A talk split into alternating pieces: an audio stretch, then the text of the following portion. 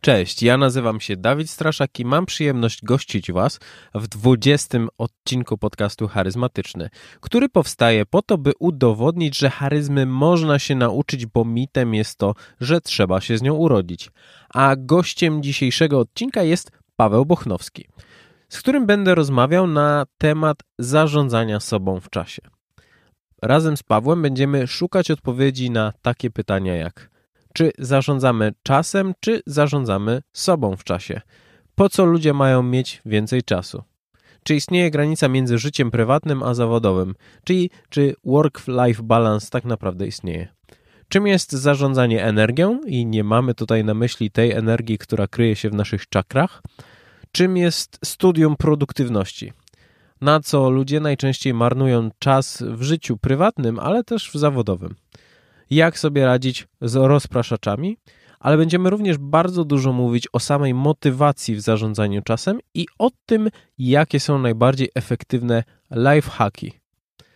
Paweł jest osobą, która robi tak dużo, że przeczytanie jego profilu na LinkedIn zajęło mi tyle czasu, że musiałem sobie zrobić przerwę na kawę w trakcie. Zarządza zespołami, projektami, procesami, zmianą oraz samym sobą w organizacjach. Do tego szkoli i angażuje się w różne działania wolontariackie. Oczywiście to nie wszystko, czym się zajmuje, ale więcej o tym w samym odcinku podcastu. Drodzy słuchacze, po raz pierwszy w podcaście pojawia się konkurs z nagrodą, więc słuchajcie uważnie. Ale już bez niepotrzebnych wstępów zapraszam do wysłuchania tego, czym Paweł się ze mną podzielił. Miłego podcastu.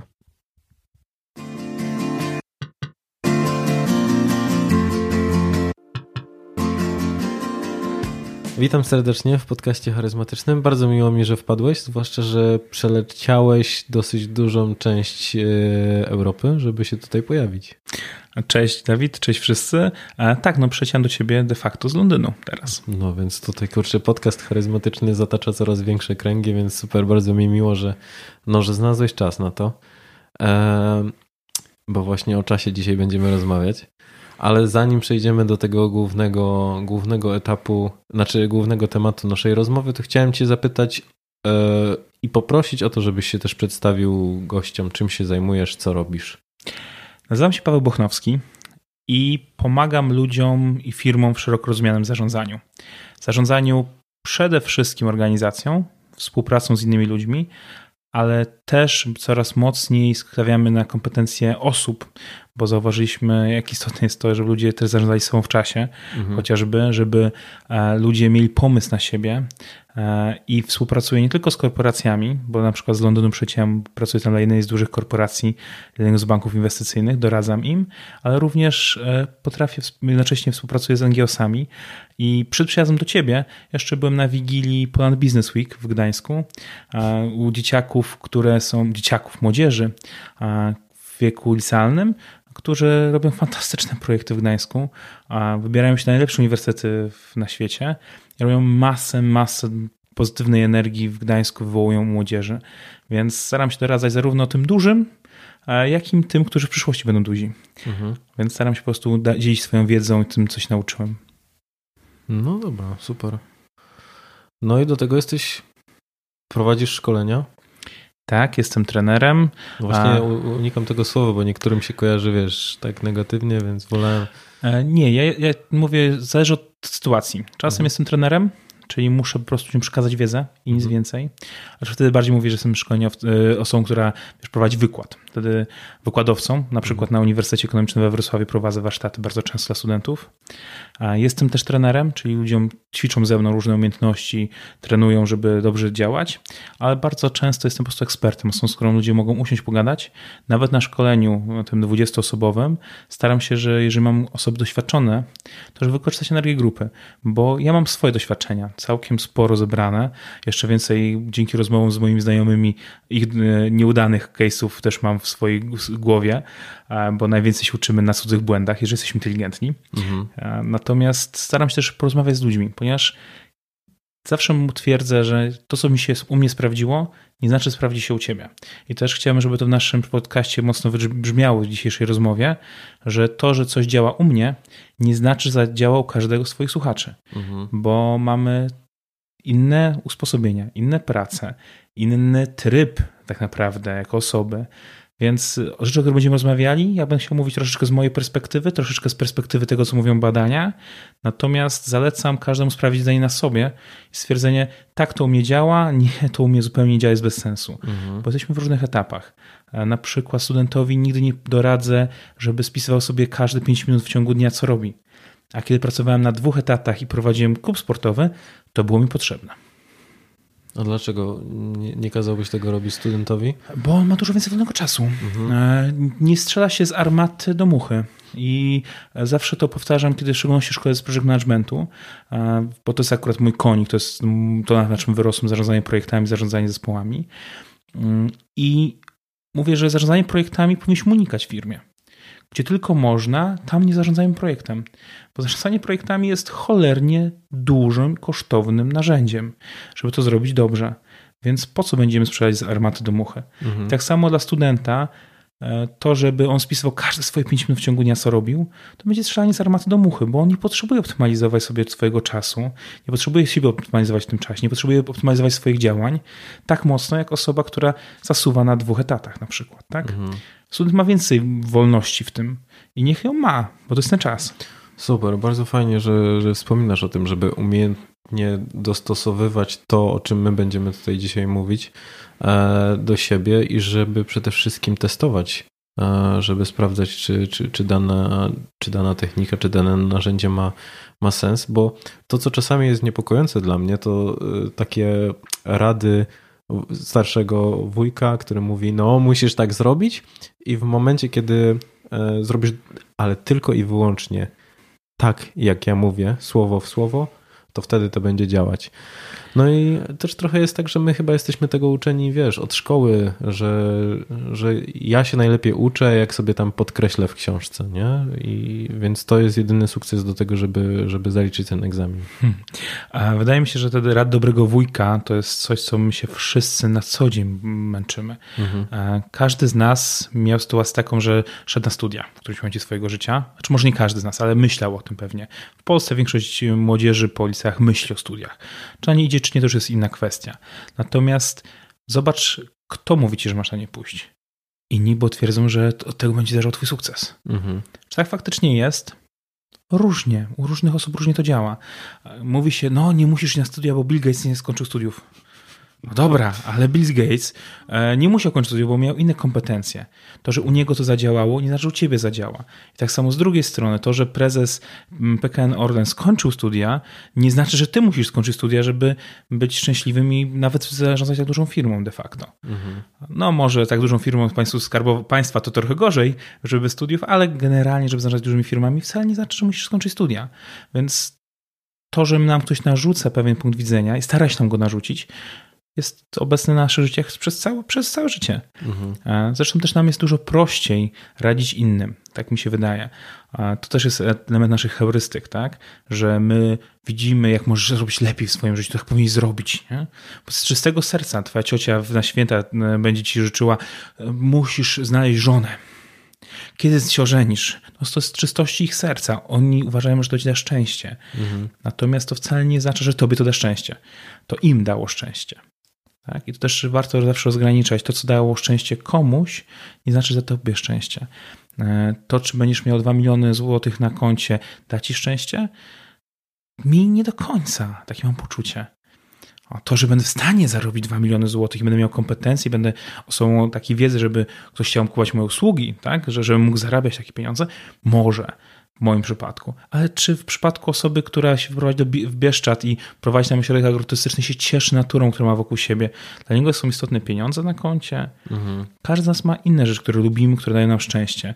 Więc na cholerę słuchamy tych podpowiedzi, no bo powinien się ożenić. Tak? Mhm.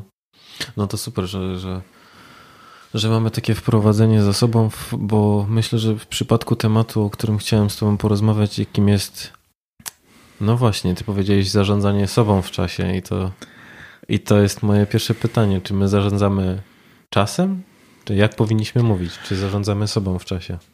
To ma dwa poziomy, tak bym powiedział. Mhm. Pierwszy poziom to jest poprawność języka polskiego i on mu, według tego poprawności słownikowej definicji nie powinniśmy móc zarządzać czasem. Czas jest rzeczownikiem abstrakcyjnym, więc nie jest w stanie nim zarządzić, nie jest w stanie go pokroić. Go nie ma, go nie dotkniesz, więc jak masz nim zarządzić? To jest taka definicja, dlaczego powinniśmy mówić zarządzanie sobą w czasie z punktu widzenia dbałości o nasz język. Natomiast jest też druga warstwa w tym wszystkim. Drugim poziomem jest to, że jeżeli uświadomisz sobie, że ty nie możesz zarządzać czasem, zarządzasz sobą w czasie, swoimi ludźmi w czasie, wtedy wiesz, od czego powinieneś wyjść. Bo jeżeli chcesz zarządzać sobą w czasie, to ty nie powinieneś myśleć o tym, jak wydłużyć dobę. Tak? Mhm. Ty powinieneś myśleć o tym, jak ty masz się w tej dobie zachowywać. Bo ty nie zarządzasz czasem, zarządzasz sobą tym, jak ty się zachowujesz, nie jak czas się zachowuje, bo czas ma nas w czterech literach. Czas będzie płynął, nieważne co my będziemy robić. Nie jesteśmy w stanie jeszcze wydłużyć doby, nie jesteśmy w stanie sobie dokupić dodatkowych minut na dobę, więc e, chociażbyś, tak jak mój dziadek mawiał, nie wiem, czy jak można przeklinać w twoim podcaście, ale spróbujemy. Można, no, choćby skały srały, czasu e, nie będzie więcej. Tak? No tak jest. Mhm. Więc Czyli działamy z tym, na co mamy bezpośredni wpływ, czyli na siebie. Tak, i to musimy sobie uświadomić. Wiele osób, wiesz, mówi, że zarządza czasem, bo zrobi jakąś tabelkę w Excelu. I z niej wyszło, że on teraz będzie miał więcej czasu w dobie. Mhm. No, sorry, no nie. Gwarantuję ci, że niestety nasz mózg i my działamy w ten sposób, że jeżeli nie zmienisz swoich zachowań, to nie będziesz miał nawet 5 minut więcej na dobę dla siebie. A ty możesz mieć 5 minut na jakieś działania, które chcesz podjąć, ale to musisz sobie w te 5 minut skądinąd zabrać. I to ty decydujesz, jak ty się zachowasz. A to nie jest przesuwanie w Excelu pól. Mhm. No właśnie, bo to jest też ciężki temat. Yy jakby od którego też chciałbym zacząć, czyli jak zmotywować ludzi do tego, żeby chcieli w ogóle podjąć tą, tą pracę nad zarządzaniem sobą w czasie, bo e, często słyszę taką wymówkę, że w momencie, kiedy mm, ludzie często mówią, że nie mają czasu, a w związku z tym, że nie mają czasu, no to nie mają czasu pracować nad tym, żeby go znaleźć na, na, na, na inne rzeczy. Znaczy, ja bym odwrócił na twoje pytanie odrobinę. Mhm. Po co ludzie mają mieć więcej czasu? Okej. Okay. Jeżeli nie masz powodu, żeby, żeby potrzebować czasu, że nie masz powodu, żeby, nie wiem, wyjść z domu, a nie pójść do pracy, wrócić do domu spać, pójść do pracy, wrócić do domu spać, pójść do pracy, wrócić do domu spać, nie widzisz żadnego celu, nie ma żadnej pasji, nie ma żadnej chęci zrobienia czegoś ponad to, to po co ci zarządzanie są w czasie? W mojej ocenie nie potrzebujesz go. Zarządzanie sobą w czasie jest potrzebne dla ludzi, którzy, którym go brakuje na rzeczy, na których im zależy. Jeżeli ci na czymś zależy, że masz motywację, żeby coś zmienić w swoim życiu faktycznie, czy to jest wzięcie dodatkowego etatu, tak, bo akurat o tym rozmawialiśmy, czy to jest e, w końcu posiadanie tego czasu na to, żeby usiąść z książką ją poczytać, to na to znajdziesz czas. Tylko, żeby to nie było ze stratą na twojego życia, to musisz zarządzać sobą w czasie. Bo w pewnym momencie mamy tak dużo inicjatyw, szczególnie osoby, które chcą robić więcej, mhm. nagle zaczyna ci go brakować. Po prostu. Nagle doba wydaje się za krótka. Tak było w moim przypadku. Ja, żeby zarządzać sobą w czasie, to pierwszy raz to robiłem chyba 7 lat temu, po raz pierwszy. E, I to nawet więcej. W 2001 roku miałem pierwszy kalendarz. Bo ja teraz będę zarządzał sobą w czasie więcej rzeczy będę robił. Mhm. Przejrzałem ten kalendarz e, w zeszłym roku, bo akurat się mm, przeprowadzają, znaczy w tym roku jeszcze, kiedy będziesz publikował. No w 2019 już. To w zeszłym roku, e, przeglądając, e, przeprowadzając się, znalazłem swój kalendarz z 2001 bodaj roku, który był bardzo wypełniony przez pierwszy tydzień 2001 roku. Okej, okay, no to super. No ale był, nie? zarządzałem są w czasie. Nic to nie wpłynęło na moje życie wtedy, mhm. Ale też miałem kalendarz z innych lat. Praktycznie co roku, co drugi rok próbowałem. Podejmowałem rękawice i od 2012 roku mój kalendarz zaczyna być wypełniony. W 2000 17 mój kalendarz był dwoma kalendarzami, bo się w jednym już nie mieścił. Mhm. Bo były różne rzeczy na, na, różne czasy. Miałem jeden kalendarz w firmie, drugi kalendarz na rzeczy pozazawodowe, poza godzin, 8 godzin pracy w firmie, bo się już nie mieścił w jednym kalendarzu. W tym roku, e, który był, w tym roku również w 2019 i w 2018, miałem kalendarz, tak zwany bullet journal już, czyli zeszyt zwykły zeszyt, w którym ja sam stworzyłem kalendarz, mhm. żeby mieć tyle przestrzeni, ile potrzebuję. Więc e, to wszystko zależy od ciebie, ile rzeczy robisz. A wydaje mi się, że na samym początku naszej drogi, kiedy nie masz jeszcze tak dużo inicjatyw uruchomionych, to wystarczy ci podstawowe planowanie. Zwykły notatnik, w którym wiesz, co masz do zrobienia. Taką zwykłą listę rzeczy do zrobienia, którą siadasz raz w tygodniu i zbijasz praktycznie do zera. To jest taka jedna z lat, o których zawsze, jak moi znajomi pytają się, jak zrobić, żeby mieć więcej czasu, no to twórz listę rzeczy do zrobienia. No ale ona mi się wiecznie powiększa. Tak? Bo, bo każdy z nas tak ma, w szczególności uh -huh. przy mhm. pierwszych listach, że ta lista ma, praktycznie nie ma końca. No to dobrze, no to raz w tygodniu siadasz, już posłuszmy się jeszcze raz z przysłowiem mojego dziadka, choćby skały srały, zbijasz ją praktycznie do zera. Jeżeli nie wygospodarujesz sobie jednego dnia w tygodniu, żeby siedzieć nawet też z pracy, troszeczkę nad godzin, tak? Ja jestem osobą, która preferuje elastyczny czas pracy. Uważam, że w, jeżeli pracujemy w korporacji, jeżeli pracujemy w dużych firmach, to ilość zadań, które mamy, jest nie do przerobienia. Natomiast możemy się pozbyć tych istotnych zbicia. Mhm. A więc warto mieć jeden dzień w tygodniu, kiedy na te istotne rzeczy, które są faktycznie nas ważne na tej liście rzeczy do zrobienia, poświęcić i mieć pewność, że je zrobiliśmy. W jednym tygodniu zajmie na to godzinę, w innym tygodniu zajmie na to 6 godzin, bo to też się zmienia. Ale wiedz, że masz jeden dzień, kiedy na pewno do tej listy usiądziesz i będziesz ją zmniejszał. No ale skąd mamy wiedzieć, co jest ważne, co jest na szczycie tej listy? Bo wiesz, to, o czym wspomniałeś, czyli pytanie, dlaczego ja chcę mieć więcej czasu. Mi się to skojarzyło z taką sytuacją, kiedy ktoś, yy, słyszałem jakby rozmowę dwóch osób i jedna mówiła, że chciałaby tam zarabiać dosyć dużą yy, sumę pieniędzy i druga mówi, no dobra, ale co, załóżmy, że już je masz, nie? Tam powiedzmy 10 tysięcy miesięcznie, masz już te pieniądze i co ty byś z nim zrobił? No nie wiem. I to jest bardzo podobne, yy, podobna sytuacja, tylko że zamiast pieniędzy mamy tutaj czas. I skoro my czasami nie jesteśmy w stanie określić, po co nam ten czas, to skąd mamy w ogóle wiedzieć, jak, które rzeczy są, są dla nas ważne, czy to wiesz, w życiu prywatnym, czy w takim mocno zawodowym. Może zawodowym jest, jest łatwiej, nie? bo ktoś nam pomoże. Ja zawsze mówię, że nie ma granicy między życiem prywatnym i zawodowym. Mhm. Z jednej prostej przyczyny. Jeżeli coś dla ciebie ważne, to niech to dla ciebie będzie ważne. Jeżeli coś dla ciebie jest ważne w życiu zawodowym, to tym będziesz myślał w domu że coś dla ciebie ważne w przestrzeni domowej, to będziesz domyślał w świecie zawodowym też. Mhm. Więc tak nasz mózg działają. On nie ma magicznego przełącznika, klik i teraz mogą to zrobić? nie wiem, sprawdzimy. E, nie ma magicznego przełącznika, żeby nagle była sytuacja, nie myślę, wyszedłem z domu, nie myślę o rzeczach domowych, myślę tylko o pracy. Mhm. Wyszedłem z pracy, zamykam pracę za drzwiami. Wielu ludzi mówi, o tak powinniśmy robić, tak? Nie powinniśmy się pracy w domu. Dlaczego? Nasz mózg tak działa. On czasami myśli o pracy w domu, a czasami myśli o w domu w pracy. Na przykład e, jeden z moich pracownic kiedyś się rozwodziła. Ona w pracy była w tym czasie no dętką. No, no nie, nie oszukujmy nie się. Było jej w pracy. Nie było jej. Miała problemy małżeńskie, tak? E, nawet jeszcze nie doszło na szczęście do rozwodu ostatecznie. Gdzieś mieli trudności, udało mi się to mm, mm, przewalczyć i są dalej razem. Natomiast ona w pracy nie funkcjonowała. I co teraz ja powinien być? O, jesteś w pracy. To ty nie myśl o tym, że masz problemy w domu i nie wiadomo, czy będziesz miała męża w przyszłym miesiącu, tak? No bzdura totalna. Jesteś człowiekiem. Patrz na to holistycznie. I tak samo my, jak mówimy o zarządzaniu sobą w czasie, jak zarządzaniu swoimi priorytetami, powinniśmy je określać wspólnie. Co praca twoja daje tobie? Jaki ona daje wpływ na twoje rzeczy domowe? Przykład e, najlepszy. No, gdzie się najwięcej ludzi uczy zarządzania sobą w czasie? W korporacjach, w firmach takie szkolenia są ogólnodostępne bardzo często dla pracowników. Mhm. Która z osób, która mówi, że nie ma czasu, zrobiła takie szkolenie w firmie? Wykorzystaj to. Jeżeli masz potrzebę mieć więcej czasu w życiu prywatnym, dlaczego nie skorzystasz z umiejętności, które ci nauczą w firmie? Możesz to zrobić. Przecież jesteś człowiekiem, tak? Więc to pierwsza rzecz, którą nie chciałbym rozgraniczać tych dwóch światów. Okej, okay, super. A drugą rzeczą, jeżeli mówimy o tym, co zrobić z ludźmi, którzy e, chcieliby, ale no nie wiedzą, co robić w życiu.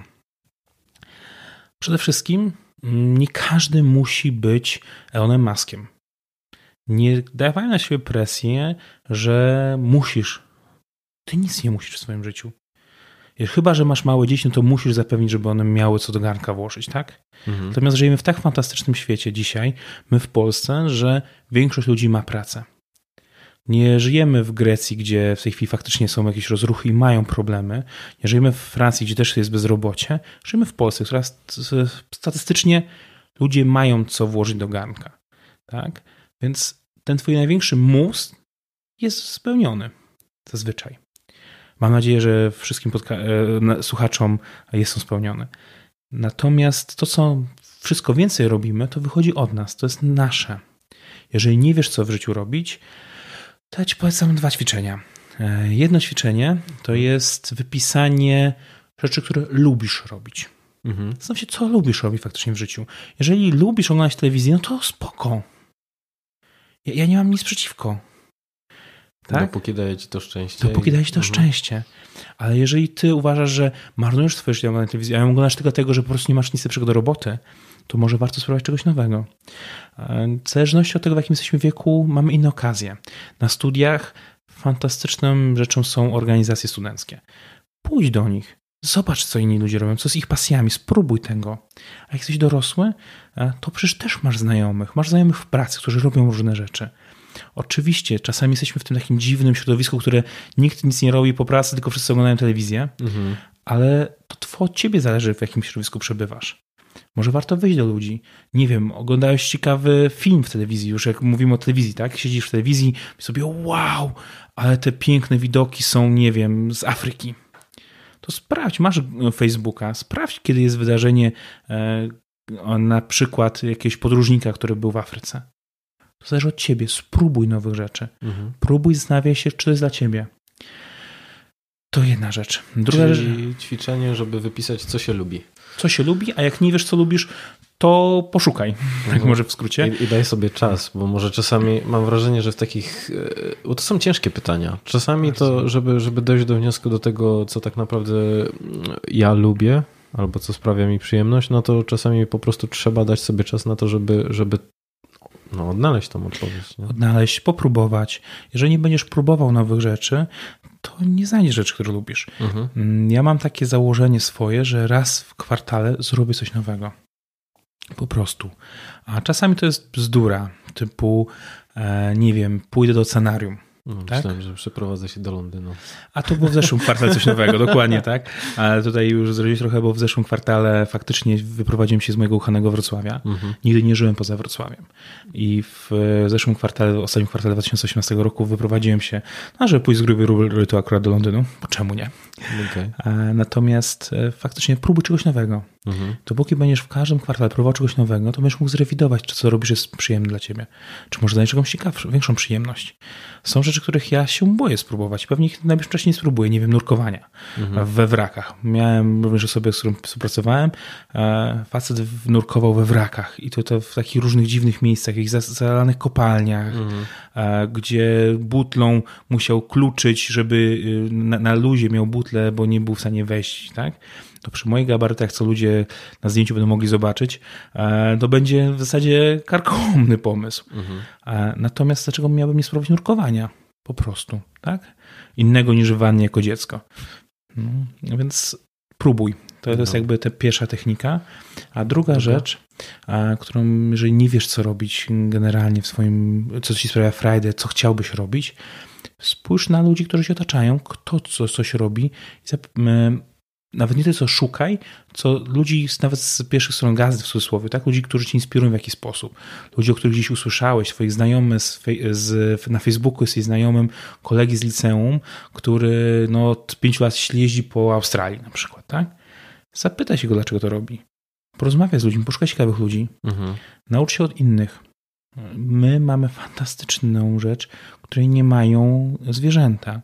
My się od siebie potrafimy uczyć zwierzęta, jakim się były, były badania pokazujące różnicę pomiędzy orangutanami chyba czterolatkami, wyciągnięciem cukierka, czy w przypadku orangutana to był jakiś tam ich, ich przysmak z zagadki logicznej. Mhm.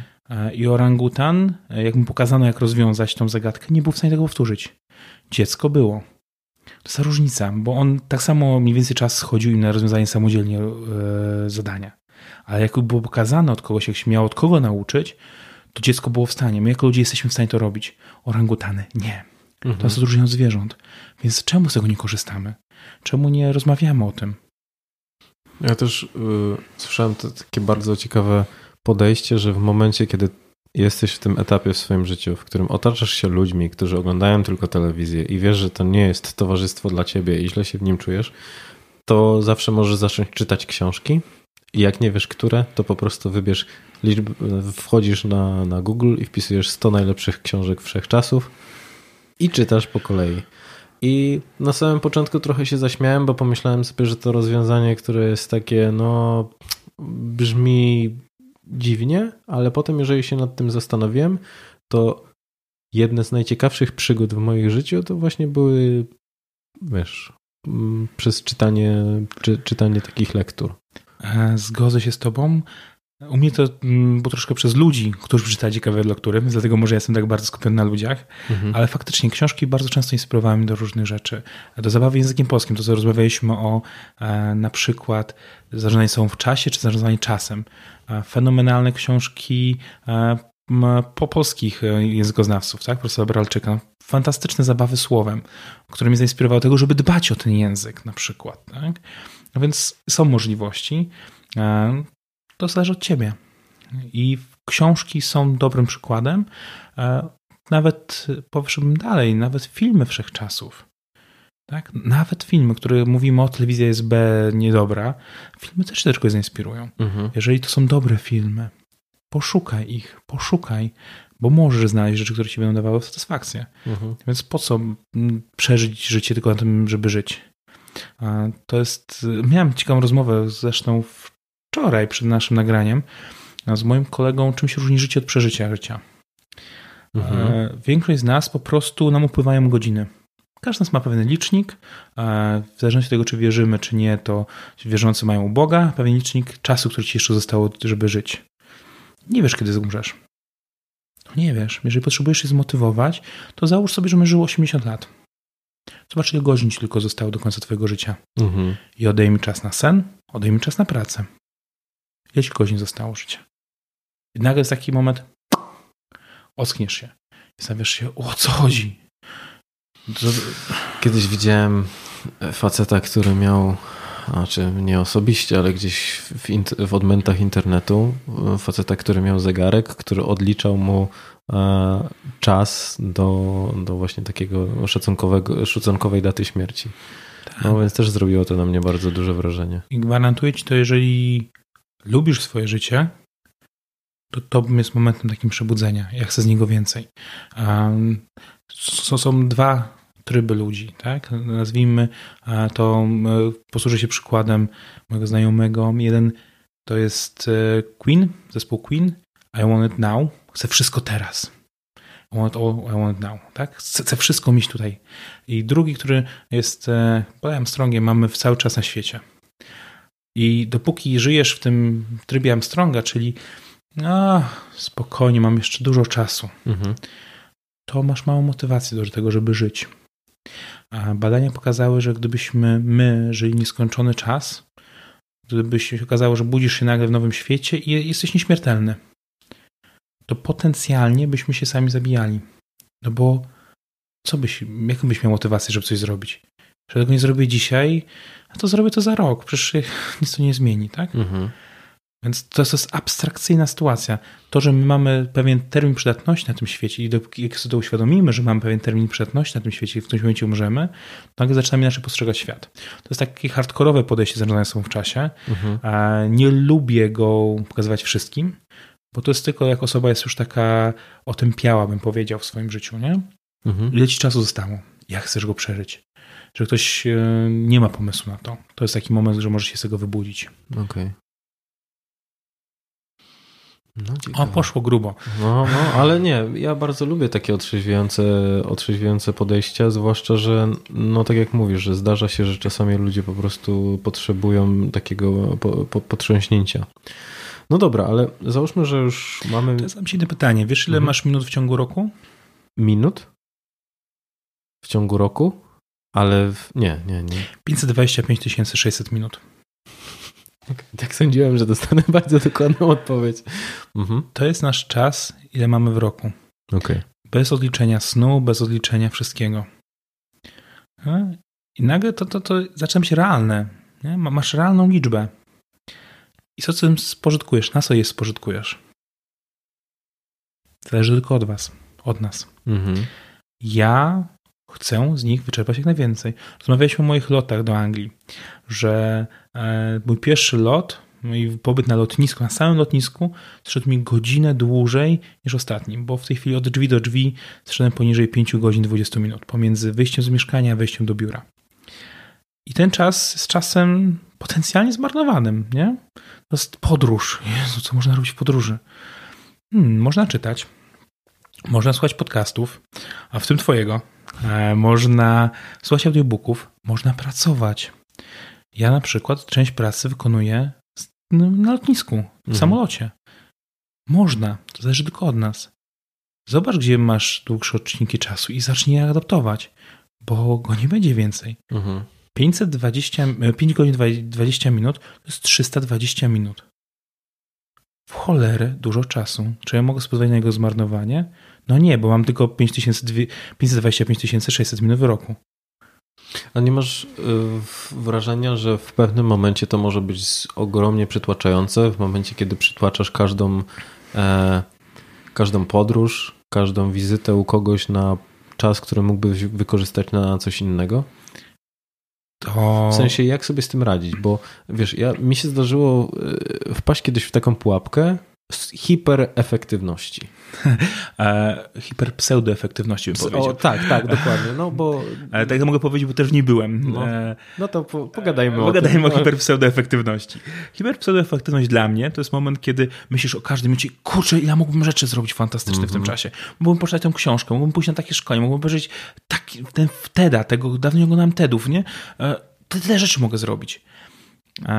E, I to przekładasz bardzo często na ten czas, który dla mnie dzisiaj jest z najbardziej wartościowych czasów, czyli na czas z rodziną, na czas z najbliższymi. E, bo też mam podejście takie, że najbliżsi zawsze są. Mhm. E, dla mnie takim otrzeźwiającym momentem było odejście mojej babci. Kiedy najpierw po chorobie, niestety babcia była chora na Parkinsona, więc ciężki był z nią kontakt umysłowy już w ostatnich miesiącach, ale ten moment, kiedy po prostu ona znika ty już nie masz całego świ e, czasu świata na spędzenie go z nią. Nie masz już możliwości jej poznania.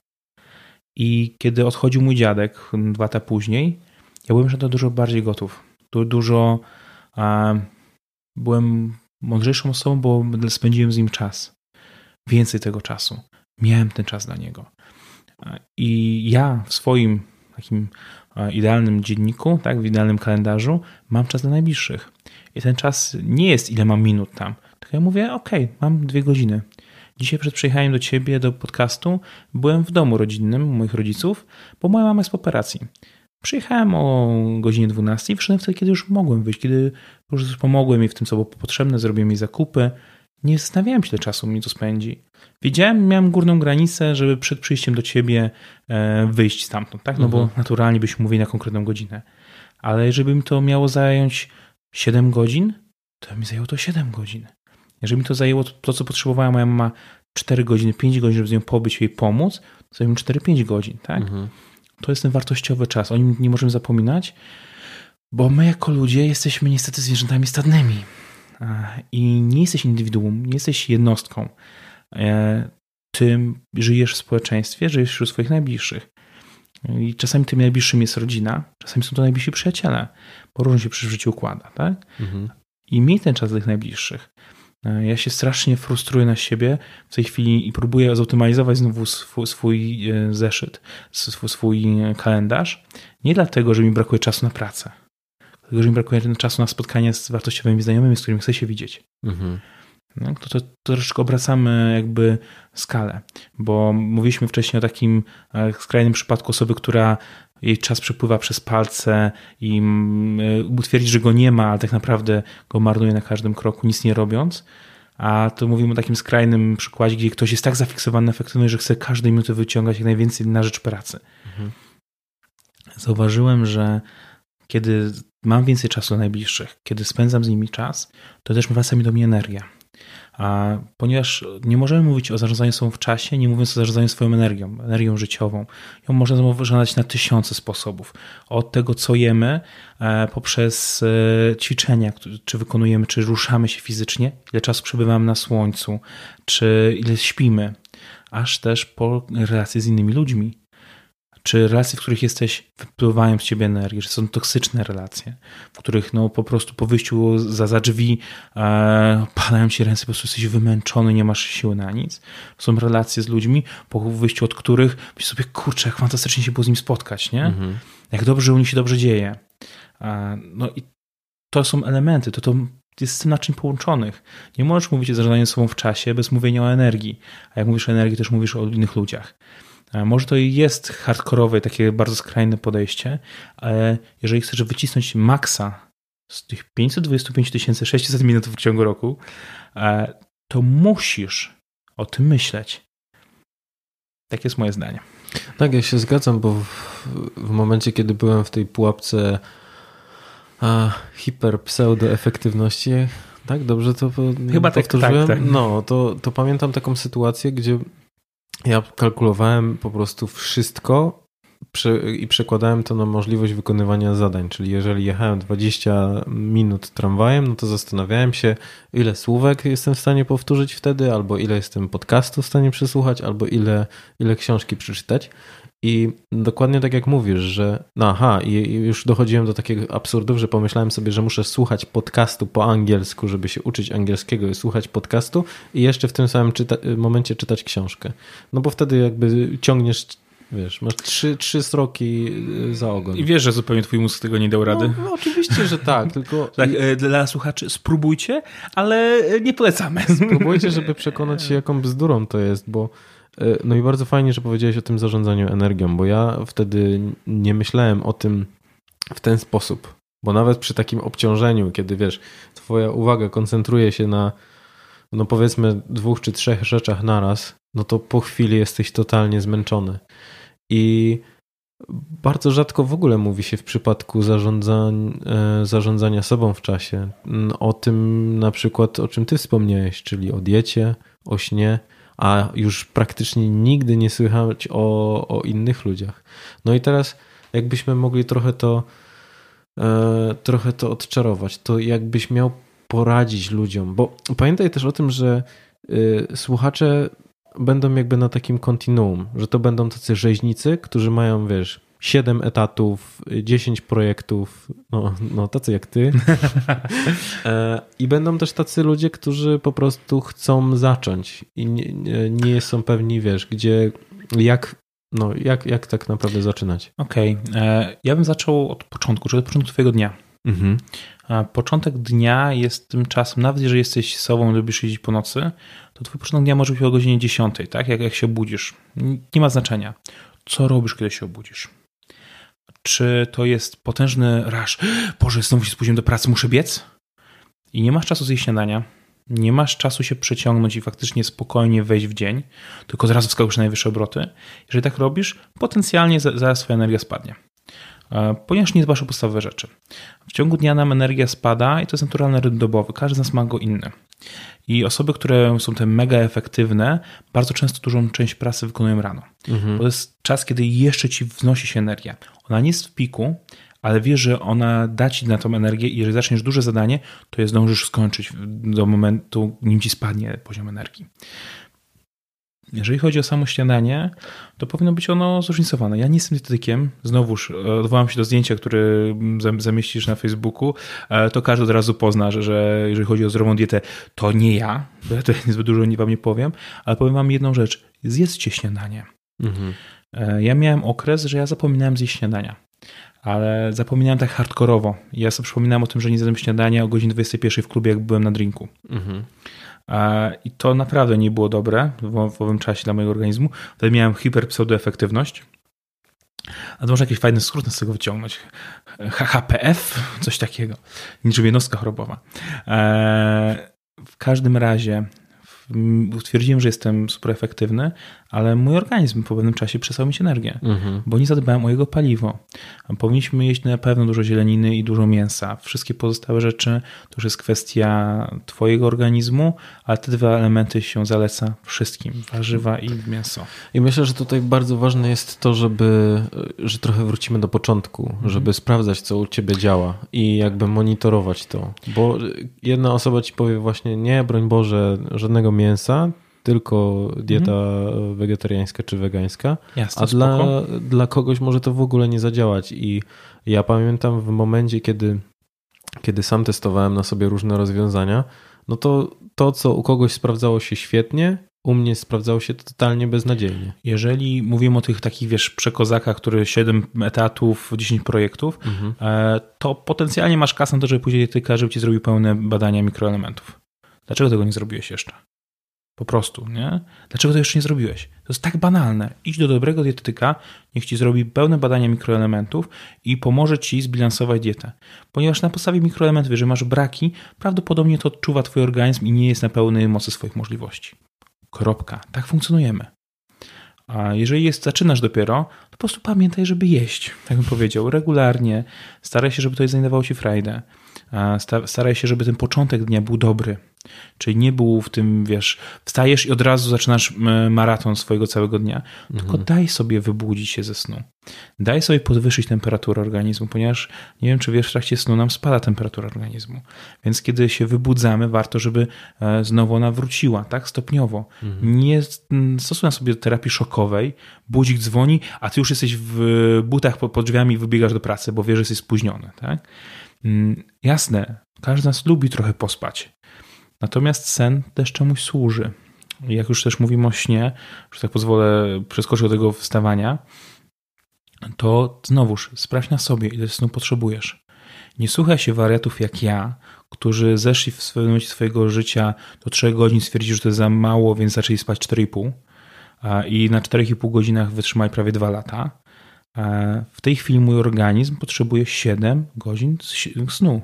7,5 godziny snu przeciętnie. Tak? Mhm. 6 albo 7,5, zależy jak intensywny jest dzień. Słuchaj go.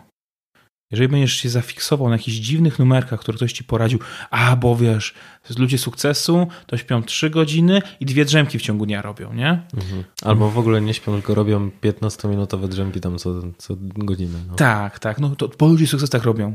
Nie, jeden człowiek sukcesu, czy tam dwoje ludzi sukcesu tak robiło, im to dało efekty. Czy to by to dało efekty? No, Szczerze no, wątpię, nie, raczej nie. ale bo to jest, chodzi, że deprawacja snu, jeszcze mnóstwo takich innych teoretycznych rzeczy, praktycznych de facto, fizjologicznych. Natomiast jeżeli mówimy o takim stricte zarządzaniu sobą w czasie, to zadbaj o swój sen, zadbaj o swój poranek, E, i zadbaj o czas dla najbliższych. Takie trzy porady bym powiedział i to niezależnie, czy jesteś na tej top, czy na tym najniższym poziomie. Posłużę się przykładem zadbania o najbliższych. Mój serdeczny kolega, człowiek, który więcej czasu spędza w samolocie niż na ziemi, bo lata po klientach po całym świecie, mm, czyta swojej córce bajkę. Praktycznie co wieczór. Przez Skype'a. Ma ten czas zabukowany, nieważne w jakiej strefie czasowej nieważne gdzie jest, ma czas na czytanie dla swojej córki bajki. Co wieczór. Mhm. Bo to jest jego czas z najbliższymi. Tak? Bo ma taką pracę, że musi być w podróży, ma taką pracę, że zakłada, że, że no to mu się akurat opłaca. Natomiast ten czas dla niego na tyle istotny, że w jego kalendarzu służbowym, prywatnym to jest czas dla córki. Nieważne, czy jest na konferencji jakiejś i jest akurat rausz i mm, podpisujesz na rauszach zwyczaj milionowe kontrakty, on w tym czasie wychodzi z konferencji do lobby i opowiada córce bajka na dobranoc. A potem wraca dalej kontynuować swoje życie, tak, zawodowe. Mhm. Dlatego też mówię o tym mieszaniu życia zawodowego i prywatnego. No wiesz, co jest dla ciebie ważne. Jeżeli dla ciebie jest ważne córka i czytanie jej bajki na dobranoc, to jesteś w stanie po to ułożyć pozostałe elementy. Więc to, to każdy z nas sam oceni, jak to powinien postępować. Zwłaszcza, że tak naprawdę wiesz, z czysto ludzkiej perspektywy, jeżeli na jakimkolwiek spotkaniu on nie jest, jak bardzo ważne by nie było, i by powiedział: Słuchajcie, od kilku lat robię tak, że czytam swojej córce bajkę na dobranoc, i to jest ten czas, więc przepraszam, wrócę za 15 minut albo uprzedzi na samym początku spotkania, że będzie wychodził, to tak naprawdę nikt nie zwróci mu na to uwagi. Oczywiście. A wręcz przeciwni, ludzie będą zainspirowani jego postawą, tak? Mhm. A no, po prostu. Więc e, tyle, jakby z takich elementów e, dbania o swoją energię. Sen, po, spokojne wstawanie, no i czas dla najbliższych. Dobra, ja bym chciał Cię jeszcze podpytać o ten sen, bo e, to jest coś, czego ja mocno nie doceniałem, bo zdawało mi się, że właśnie trzeba iść w stronę tych super biznesowych ludzi, którzy śpią jak najmniej, w sensie tych, którzy wiesz, odnoszą spektakularne sukcesy, czyli spać jak najmniej i być potem jak najbardziej wydajnym. E, I powiedz mi, w jaki sposób przygotowywać się do, znaczy zadbać o to, żeby, żeby dobrze się spało? Masz jakieś hmm. metody? O to, żeby się dobrze spało. Czyli jak już zdecydujesz, Myślę, że, że masz czas na, na sen. Tak, no, A, bo załóżmy, ty... że testowanie tego, ile ty potrzebujesz godzin snu jest dosyć proste. No. Tak, i tu ja zalecam wielokrotności półtorej godziny. Tak mniej więcej się układa u nas e, cały cykl snu. Ale jeżeli chodzi o przygotowanie miejsca do snu, mhm. zdecydowanie przewietrz swój pokój przed położeniem się spać. Wiem, że mamy okres e, paliw palnych nocą i smog się unosi nad miastem, natomiast zrób to. Przewietrz pokój, w którym będziesz spał, niech będzie tam powietrze, niech będzie troszkę niższa temperatura. To, to też bardzo mocno wpływa. Znowuż odczuwanie temperatur kobiet, mężczyzn jest bardzo różne i niższa temperatura u mężczyzny czasem to jest 16 stopni, a u kobiety to jest z 23 na 22,5. Tak? Jesteśmy inni, mamy inne organizmy i przeciętnie tak jest. To nie jest absolutnie seksistowskie, że jakby były wojujące feministki pośród nas. Po prostu jesteśmy różni. Mhm. A, I oczywiście zdarzają się kobiety, które lubią 16 stopni, zdarzają się mężczyźni, którzy lubią 22,5. Krzywa Gaussa pokazuje, że większość mężczyzn woli niższe temperatury, większość kobiet lubi wyższe temperatury. Przed snem warto, żeby tą temperaturę obniżyć, bo nasze ciało też będzie miało niższą temperaturę. Więc jeżeli będziesz miał, twoje ciało na przykład spadnie o parę stopni, jego temperatura, bo tak może się wydarzyć w ciągu nocy, to lepiej, kiedy masz też chłód poza. Bo to jest naturalny proces i fajnie, żeby twoje ciało po prostu samo obniżało tę temperaturę. Zwróć uwagę, że my jako ludzie e, grzejemy w swoich domostwach stosunkowo niedługo, tak? No i przez te tysiące lat nam się ukształtował nasz organizm tak, że kiedy jest zimniej, to zapadamy w spokojny sen, w letarg, tak? Więc to jest jeden z elementów. E, warto mieć też ułożony rytuał spania, czyli po prostu zestaw czynności, które wykonujesz co wieczór. Może to być umycie zębów e, i kąpiel i przeczytanie sobie jeszcze 5 minut książki, położenie się spać. Zależy to od ciebie. E, o rytuałach i o nawykach nie ma miejsca, żeby rozmawiać o całości. Natomiast jest mnóstwo materiałów, każdy z Was znajdzie, wystarczy to wygooglać, jak budować swoje nawyki. Warto taki nawyk przed snem mieć. Mhm. Twój organizm po prostu już wie, aha, uruchamia mu się ciąg przyczynowo-skutkowy, no to będzie pora na spanie.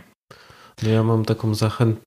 historię na zachętę, że u siebie taką wielką różnicę dostrzegłem w momencie, kiedy Wiesz, wcześniej jakiś czas temu pracowałem no, praktycznie do samego końca przed pójściem spać, zamykałem laptopa, szedłem spać, a potem stwierdziłem, że godzina 22, koniec, wiesz, odłożenie wszelkiej pracy i tym elementem, który nastawiał mnie do tego, że, że idziemy spać, było przebranie się w piżamkę. I po prostu, no wiesz, to był super sygnał dla organizmu, że dobra, już jesteśmy w tym trybie już bardziej wyłączającym się, więc jakby, no i to wpłynęło zdecydowanie lepiej na jakość snu i na to, że lepiej mi się następnego dnia mhm. wstawało. A to też powiedziałeś o laptopie i pracy do późna. Mhm. Większość urządzeń mobilnych wydziela niebieskie światło. Niebieskie światło, które dostajemy, kiedy jesteśmy na dworze, kiedy jest dzień. I powinniśmy unikać niebieskiego światła przed snem. Z tej prostej przyczyny, że nasz organizm mówi, no już jest godzina, żeby zasypiać, już zaczynam zasypiać, niebieskie światło nie na to dzień jest, nie? A, więc tutaj też mm, takie ostrzeżenie, nie pracujmy przed snem, a nie jak na amerykańskich filmach, że jeszcze w laptopie każdy pisze i gasi światło i kładą się spać, bo to jest totalny bullshit. A, tak, tak to nie funkcjonuje. Powinniśmy mieć ten czas uspokojenia, nie pracujmy w łóżku. Mm, też bardzo często się poleca, żeby łóżko było od spania od przyjemności, a nie od innych rzeczy, nie od pracy, nie od czytania książki, tylko od mhm. e, tych, tych czynności, które się należy wykonywać tylko w łóżku, albo przede wszystkim w łóżku. E, I to też jest dobry sygnał dla organizmu. Kiedy się kładziesz do łóżka, on wie, aha, a nie, no dobra, no to hmm, jestem sam w łóżku, a to znaczy, że idę spać, tak? Na przykład. Dobra, okej, okay, no to mi się podobało. Tak to wygląda gdzieś. A, i, i, warto o tym pamiętać. Mhm. I, I, sen jest ważny. Też jest jeszcze taka wielka przestroga dla wszystkich osób, które nie mogą zasnąć. Jeżeli nie możesz zasnąć, to nie próbuj tego robić na siłę. Wstań, rusz tyłek, wyjdź z łóżka, mm, posiedź pół godziny, czytając książkę, znowuż nie na niebieskim świetle, czyli nie telewizję, tylko coś pokrąta się po domu i spróbuj ponownie. Dalej nie możesz zasnąć, znowu wstań. Nie leż na, na siłę.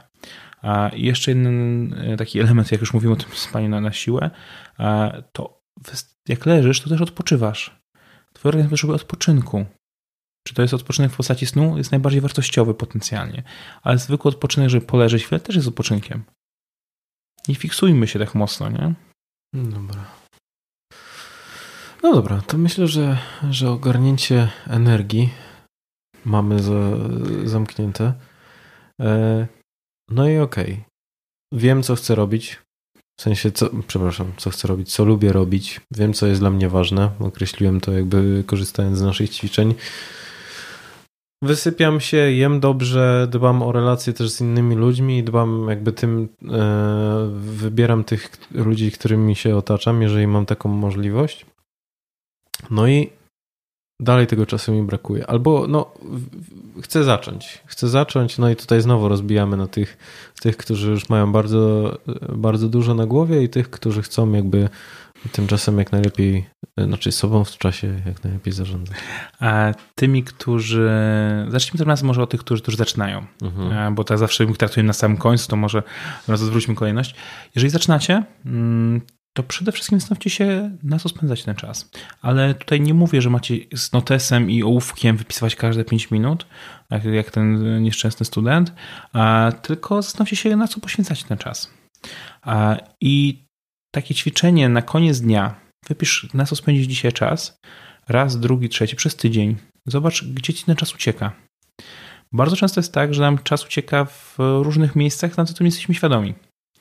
A moim przykładem, gdzie mi czas uciekał zawsze, to było pójście do sklepu w drodze z pracy, a nie do pracy. Wiesz, była różnica? Drodze do pracy, jak poszedłem do sklepu, to spędzałem w nim około 20 minut bo to było przed pracą, wiesz, byłem po śniadaniu, szybko wpadałem, brałem to, co wiedziałem, że mam listę rzeczy potrzebnych. Ale mówisz o takich pracy. zakupach spożywczych? Takich zakupach spożywczych, bo w firmie miałem lodówkę, mogłem włożyć te podstawowe rzeczy. Jeżeli kupowałem akurat codziennie, no to to idealnie się sprawdzało, nie? Okay. Przechowało się przez dzień pracy, potem zakupy już miałem w torbie. Po pracy e, zakupy mi zajmowały ponad godzinę. Hmm. Kolejka, e, jest, jesteś prawdopodobnie głodny, zmęczony, dłużej się szwędasz po tych regałach, nie masz za bardzo kolejnego deadline, kolejnego momentu, kiedy musisz gdzieś biec, a więc mi te zakupy się wydłużały o godzinę. Ja? Prosta sztuczka. 20 minut wcześniej. A więc tak, takie rzeczy na to się skupcie, zobaczcie, gdzie ten czas jest, z czego chcecie, możecie zrezygnować, co nie daje wam satysfakcji, a, bo robimy mnóstwo rzeczy dla innych ludzi, bo nas o to proszą, bo mamy niską asertywność, bo nie potrafimy powiedzieć im nie. E, I wówczas często zdarza się tak, że e, mówi, ktoś do ciebie przychodzi, wiesz co Dawid, czy mógłbyś mi e, to zrobić? W sumie mógłbym, za, za, mógłbym no bo zajmie to chwilę, mogę dla ciebie zrobić. No jak takich rzeczy nawarstwia się nam sporo. To w pracy i w życiu domowym tak samo. Tutaj bardzo uwielbiam, uwielbiam moich rodziców, żeby to też było zaznaczone tak wyraźnie. Natomiast jak e, moja mama mnie prosiła o przenoszenie zakupów ze sklepu, jak, jak byłem młody, e, to mówiłem, ok, nie ma problemu, tak? Tylko potem się okazało, że na przenoszenie zakupów codziennie ja poświęcam pół godziny. Trzeba było pójść do tego sklepu z mamą, e, pomóc jej w zakupach, więc to skróciliśmy. Jako dzieciak jeszcze. E, czyli ja przychodziłem tylko w momencie, kiedy ona już była przy kasie. Tak? Bo po co ja bym siedział w tym sklepie? Mhm. I takich miejsc jest mnóstwo. Popatrzcie, gdzie możecie skrócić ten czas. Wydaje mi się, że samo takie przyjrzenie się temu, co robimy w ciągu dnia, jest ciekawe, bo no my tak naprawdę, to, znowu się odniosę tak naprawdę do zarządzania finansami, do, do, do, do przykładu z, właśnie z pieniędzmi, które mamy w portfelu, że to co dla mnie było takim zaskakującym, kiedy przyjrzałem się na co wydaję najwięcej pieniędzy, to w ogóle sobie nie zdawałem sprawy, że e, że to są te obszary, nie? że my spekulujemy, że najwięcej czasu poświęcam pewnie na to, na pracę, a tu się może okazać, że właśnie takie zakupy e, są relatywnie długie w, w odniesieniu do całej reszty obowiązków, które mamy na sobie. Tak, zrozumienie naszego punktu wyjścia. Mhm. A dopóki nie zrozumiesz punktu wyjścia, jakim jesteś, to nie możesz optymalizować swoich działań. I to samo jest z osobami, które są skrajnie aktywne. Tylko w ich przypadku ja bym zalecał robienie sobie przede wszystkim w trakcie pracy monitora czasu pracy. To jest wypisanie dokładnie na co poświęcałem czas w ciągu dnia. Jeżeli pracujesz w systemie projektowym, weźmy tego przykład osoby, która jest na 7, 7 firmach zatrudniona, 10 projektów po boku, czyli 17 takich głównych zadań ma. Tak? Mhm. Podejrzewam, że w każdym przeciętnym projekcie ma około 4-5 obszarów, które musi się zająć. To już nagle wychodzimy do 85 nawet e, obszarów. Wynotuj sobie w ciągu swojego dnia pracy, kiedy na co poświęcasz czas. Możesz być zaskoczony wynikami, bo na projekt, który jest mało istotny, może być cholernie absorbujący. Tak, bo w moim przypadku mnóstwo projektów takich mało istotnych a zabierało mi w ciągu dnia tutaj 20 minut, to tutaj pół godziny, to gdzieś 10 minut. I jak, zrobiłem, jak robiłem monitor czasu pracy Sofuj i staram się go powtarzać przynajmniej raz do roku, to nagle mnóstwo czasu mi uciekało gdzieś po bokach. Nie wiedziałem na co, tak? Tak się okazało na projekty, które nie są ani dochodowe, ani nie wnoszą wartości do mojego życia, albo są na liście moich priorytetów na samym dole, ale są strasznie absorbujące czasowo. Mhm. Zrób realne podsumowanie i zobacz, ile masz tego czasu. Bo też mamy bardzo często sytuację taką, w szczególności osoby bardzo za, zaangażowane, że a ja jeszcze to wcisnę, nie? A ja jeszcze dam radę jeszcze jedną rzecz wcisnąć. A to jest największa bzdura, bo ty nie wciśniesz już nic, jeżeli masz e, tyle projektów. Ja, e, wyprowadzając się do Londynu, miałem na swojej liście inicjatyw takich zawodowych 23 pozycje. Mhm. Cholernie dużo. Na każdą poświęcałem czas. Wiele spośród nich przynosiło jakiś dochód. Obecnie mam 7. Łącznie zlikwidowałem e, te, te, takie inicjatywy, które mi przynosiły dochód. Oddałem je innym osobom, żeby je robiły. Przynosiły mi za mały dochód, za dużo czasu zabierały. Skup się na tym, co jest dla ciebie najważniejsze. Może nie ma sensu być na kolejnym etacie tak? dla kolejnej firmy robić zlecenia. Może czas zrezygnować z niektórych klientów, jeżeli jesteś sam zatrudniony. E, bardzo mądrą rzecz e, Paweł Tkaczyk bardzo często poruszał siebie na szkoleniach o, jednej z firm e, w Stanach Zjednoczonych, która miała trochę inne podejście do pasażerów była na większym luzie firma. I w trakcie jednego z lotów e, firma rozdawała orzeszki pasażerom. Tak? Przed, na trakcie każdego lotu każdy pasażer dostawał orzeszki. I stewardessa powiedziała, wiecie co, e, jesteśmy po długim locie, mieliśmy opóźnienie, jesteśmy bardzo zmęczeni jako załoga, to my wsypiemy tutaj na samym początku samolotu orzeszki i jak będziemy startować, to one się zsuną i ci z Państwa, którzy będą chcieli, to je wezmą sobie. Wiesz, ludzie przyjęli to z entuzjazmem, a po wylądowaniu jeden z pasażerów napisał list skargę a że jakie to tak można, jakie to zachowanie do, do zarządu firmy. I zarząd firmy odpisał taki list. Szanowny panie, będzie nam pana brakować. Nie wszystkich klientów powinieneś obsługiwać. Mhm. Może niektórzy klienci są tak czasochłonni dla ciebie, tak dużo czasu i kosztu to generują, nie przynosząc zysku, że nie warto ich e, obsługiwać. Takim najlepszym przykładem chyba biznesowym e, są katalogi wysyłkowe. Katalogi wysyłkowe są bardzo popularne w Stanach, w Niemczech. Dostajesz do domu katalog e, z rzeczami, które możesz kupić e, i on przysyłają do domu. No i jak wprowadzono big data w tych firmach, nagle się okazało, że są grupy klientów, które kosztują więcej niż firma na nich zarabia. Podzwonią na call center z e, pytaniami, bo reklamują produkty prawie każdy, który przyjdzie, bo mnóstwo, mnóstwo kosztu pracy już po zamówieniu produktu generują dla firmy. A i co firmy zrobiły? No oni chcieli e, w sposób cesowy im odebrać możliwości zakupów, przestali do nich wysyłać katalogi specjalne. Na święta, w tych okresach, kiedy jest dłuższy, większy ruch, przestali do nich wysyłać katalogi. Te osoby, które były marudami, takimi zrzędami, przestały dostawać katalog zakupów wysyłkowych przed świętami na przykład, bo generowało duży koszt dla firmy w tym okresie. Mhm. Zastanów się, gdzie masz klientów, których nie chcesz mieć. Ich nie miej. No i popatrz, jaki istotny jest ten moment, w którym ty poddajesz i ten czas, który poświęcasz na, na jakby, który przeznaczasz na zadania w swoim życiu i same zadania, jak monitorowanie tego i analizowanie może wpłynąć pozytywnie na, e, na to, że tego czasu jest więcej. Dlaczego o tym mówię? Bo wielokrotnie, kiedy zarządzałem zespołami, to wiesz, jaka była najczęstsza odpowiedź w momencie, kiedy prosiłem o wypełnianie raportów czasu pracy albo jakieś tam analityki czasu zadań? Wiem, bo też ją pewnie słyszałem, ale ja nie będę miał czasu wtedy zrobić swojej pracy. Tak, albo no po prostu nie mam czasu. Mhm. E, ja może ja mam taką osobowość też troszkę, moje zespoły mają z tym ciężko przez to, mhm. bo jestem osobą, która uwielbia wchodzić w rozmowę. A więc jak ktoś mówi, nie ma czasu, okej, okay. to w takim razie e, zgadzam się, żebyś ten raport opóźnił jeden dzień. Masz to robić. Nie? Ja go akceptuję. Tylko, że nagle jak zrobi ten monitoring czasu pracy ta osoba, e, tak realnie dla siebie, bo uczciwie dla siebie, to jest bardzo ważna rzecz, że my wdrażamy w firmach, to musicie przekonać pracowników, że to jest dla nich. Nie wdrażajcie monitoringu czasu pracy po to, żeby ludzi, e, nie wiem, do, dosypać dodatkowych zadań. Mm-mm.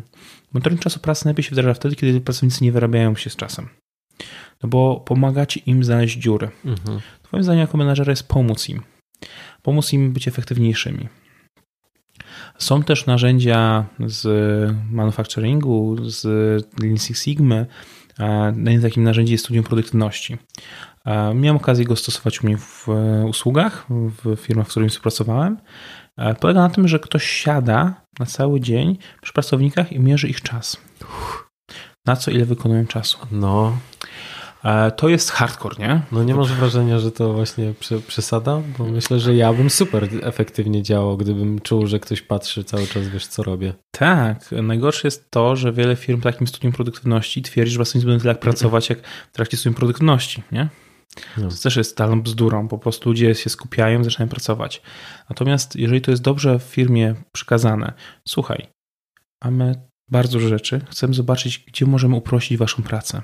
Mhm. A żeby to zrobić, musimy zbadać po prostu, na co wam najwięcej czasu schodzi, bo może się uda jakiś proces zautomatyzować, ten, na który jest najbardziej niepotrzebny wam w ciągu dnia.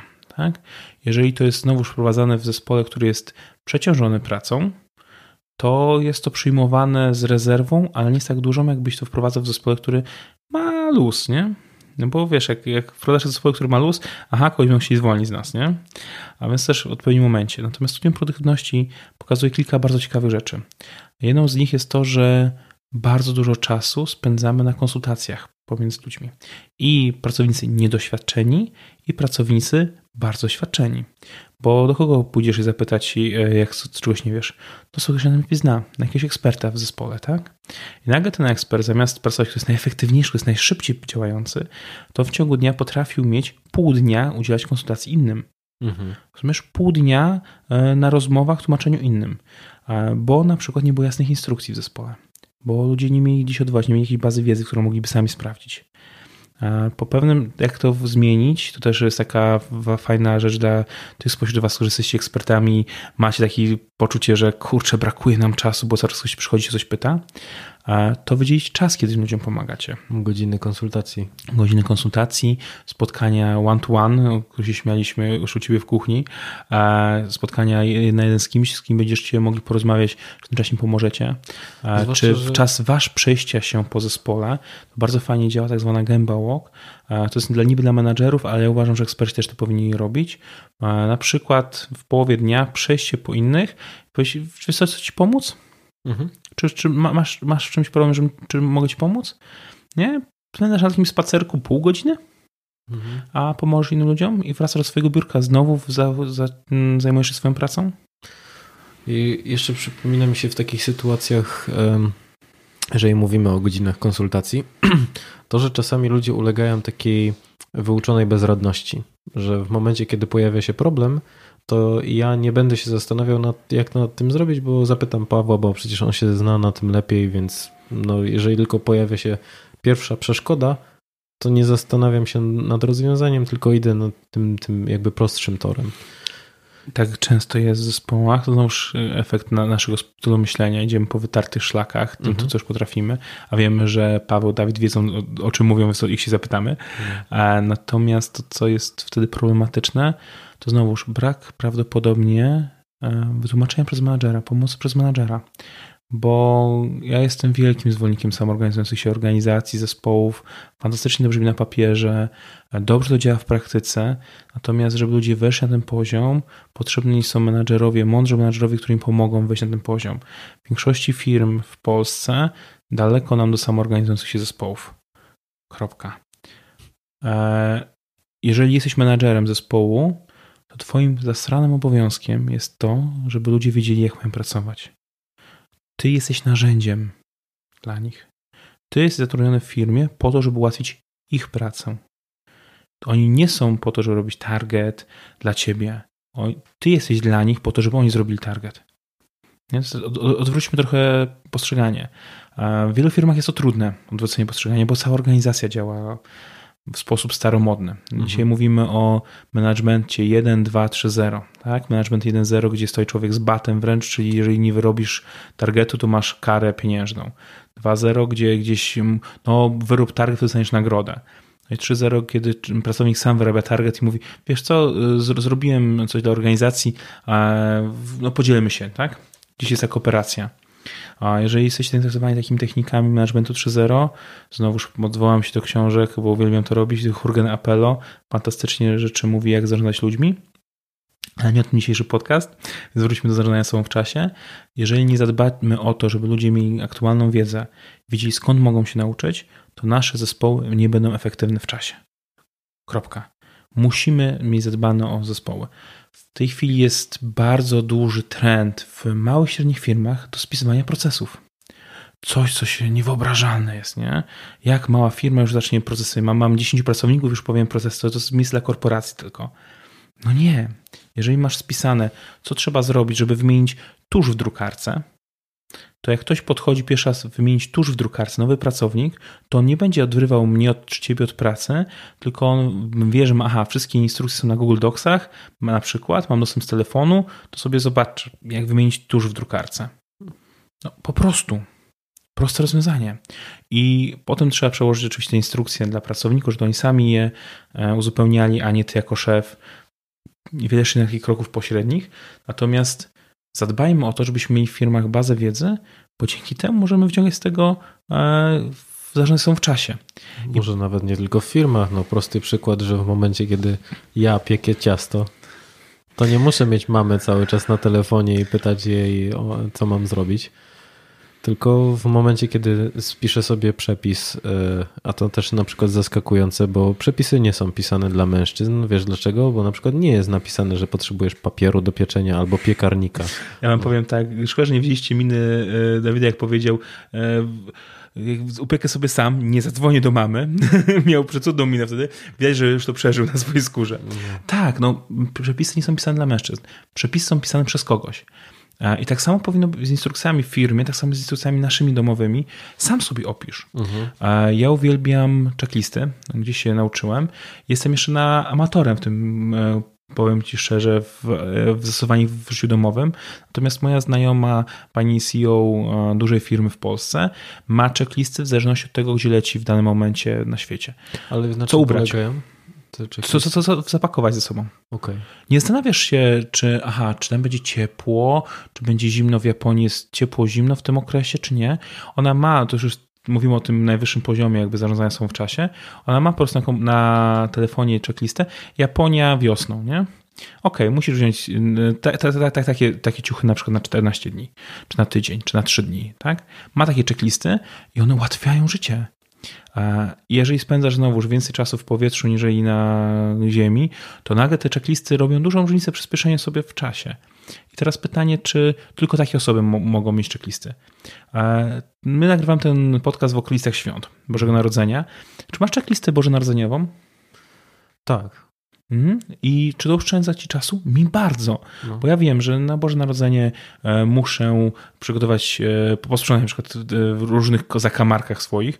Mam napisane, w których zakamarkach mam nawet posprzątać, bo jako dziecko czasem zapominałem, zresztą jest, jako mężczyzna ponoć nie dostrzegamy niektórych rzeczy. Mamy wybiórcze spostrzeganie.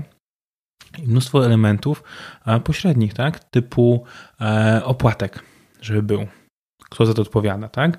Lista taka, rzeczy, które muszą być na Wigilii, żeby było przyjemniej, żeby mieć, nie mieć stresu. czy sianko pod obrus. Są drobiazgi, tak? Ale spróbuj kupić sianko pod obrus, kiedy Wigilia wypada w niedzielę. Mhm. Nagle to jest fuck up, tak? No i to jest też fajne, że można dzięki temu oszczędzić czas, bo w momencie, kiedy się zastanowisz, co masz do zrobienia i spojrzysz na taką checklistę i zrobisz to w miarę odpowiednio wcześniej, no to dzięki temu unikniesz wszelkich kolejek y, w sklepach. Bo to też jest ciekawe, że często kiedy ludzie mówią, Boże, są, są takie kolejki w trakcie świąt, kurczę, myślę, że ja ich nie doświadczyłem już dawno. Może z tego względu, że wyprzedziłem e, wyprzedzam ten proces albo dużo zamawiam przez internet. Nie? E, ja miałem okazję w ogóle pracować w DHL-u lata temu e, na sortowni w ogóle, więc w, no. i w okresie świątecznym. No to teraz sobie może wyobrazić, jak tir za tirem podjeżdża i, i tłum rzeczy. I widziałem, dlaczego kurierzy nie są w stanie dostarczać paczek na czas. Bo na przykład przyjeżdżał tyle paczek dany rejon, że samochód był zapakowany pod sam dach, e, następnie wracał na chłup, znowu został zapakowany pod sam dach, jeszcze stawały rzeczy do, do, do wiezienia. Tak? E, więc jeżeli to zrobisz zupełnie wcześnie, to już nie mhm. masz tego stresu przed świętami, o Boże, czy, czy dojdzie na czas. Jeżeli zadbasz o to, że masz mieć prezenty dla najbliższych, bo co roku sobie dajecie i wiesz, że dasz cioci, babci, e, żonie, to, to, to jest dużo łatwiej ci. Bo wiesz, aha, no mam prezent dla żony, no dobra, to co, co jej kupić? A ja powiem ci, dalej poszedłem w tym temacie, bo ja zaczynam zastanawiać się, co kupić na prezent jeszcze pod koniec października.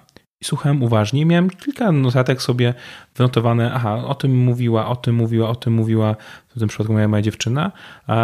I myślę sobie, ok, mam, mam pulę rzeczy, no to coś z tego na święta idealnym będzie prezentem, co, co jest najbardziej wartościowe według mnie, taki mhm. od serca prezentem. I to akurat mam nadzieję, że się ją ucieszy pod choinką.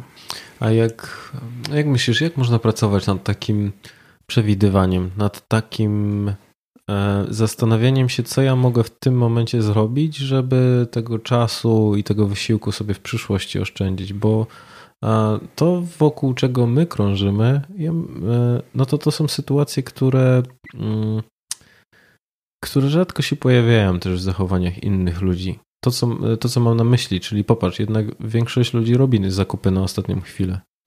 Ja I... też wielokrotnie mi się zdarzyło zapomnieć, że to jest niedziela niepracująca, więc w sobotę po prostu jak wybrałem się do sklepu razem z połową miasta, e, no to spędziłem trochę czasu w kolejce. E, to, to ci chyba przebiję. W zeszłym roku pamiętałem, że są niedzielnie pracujące, ale poszedłem w Trzech Króli do sklepu.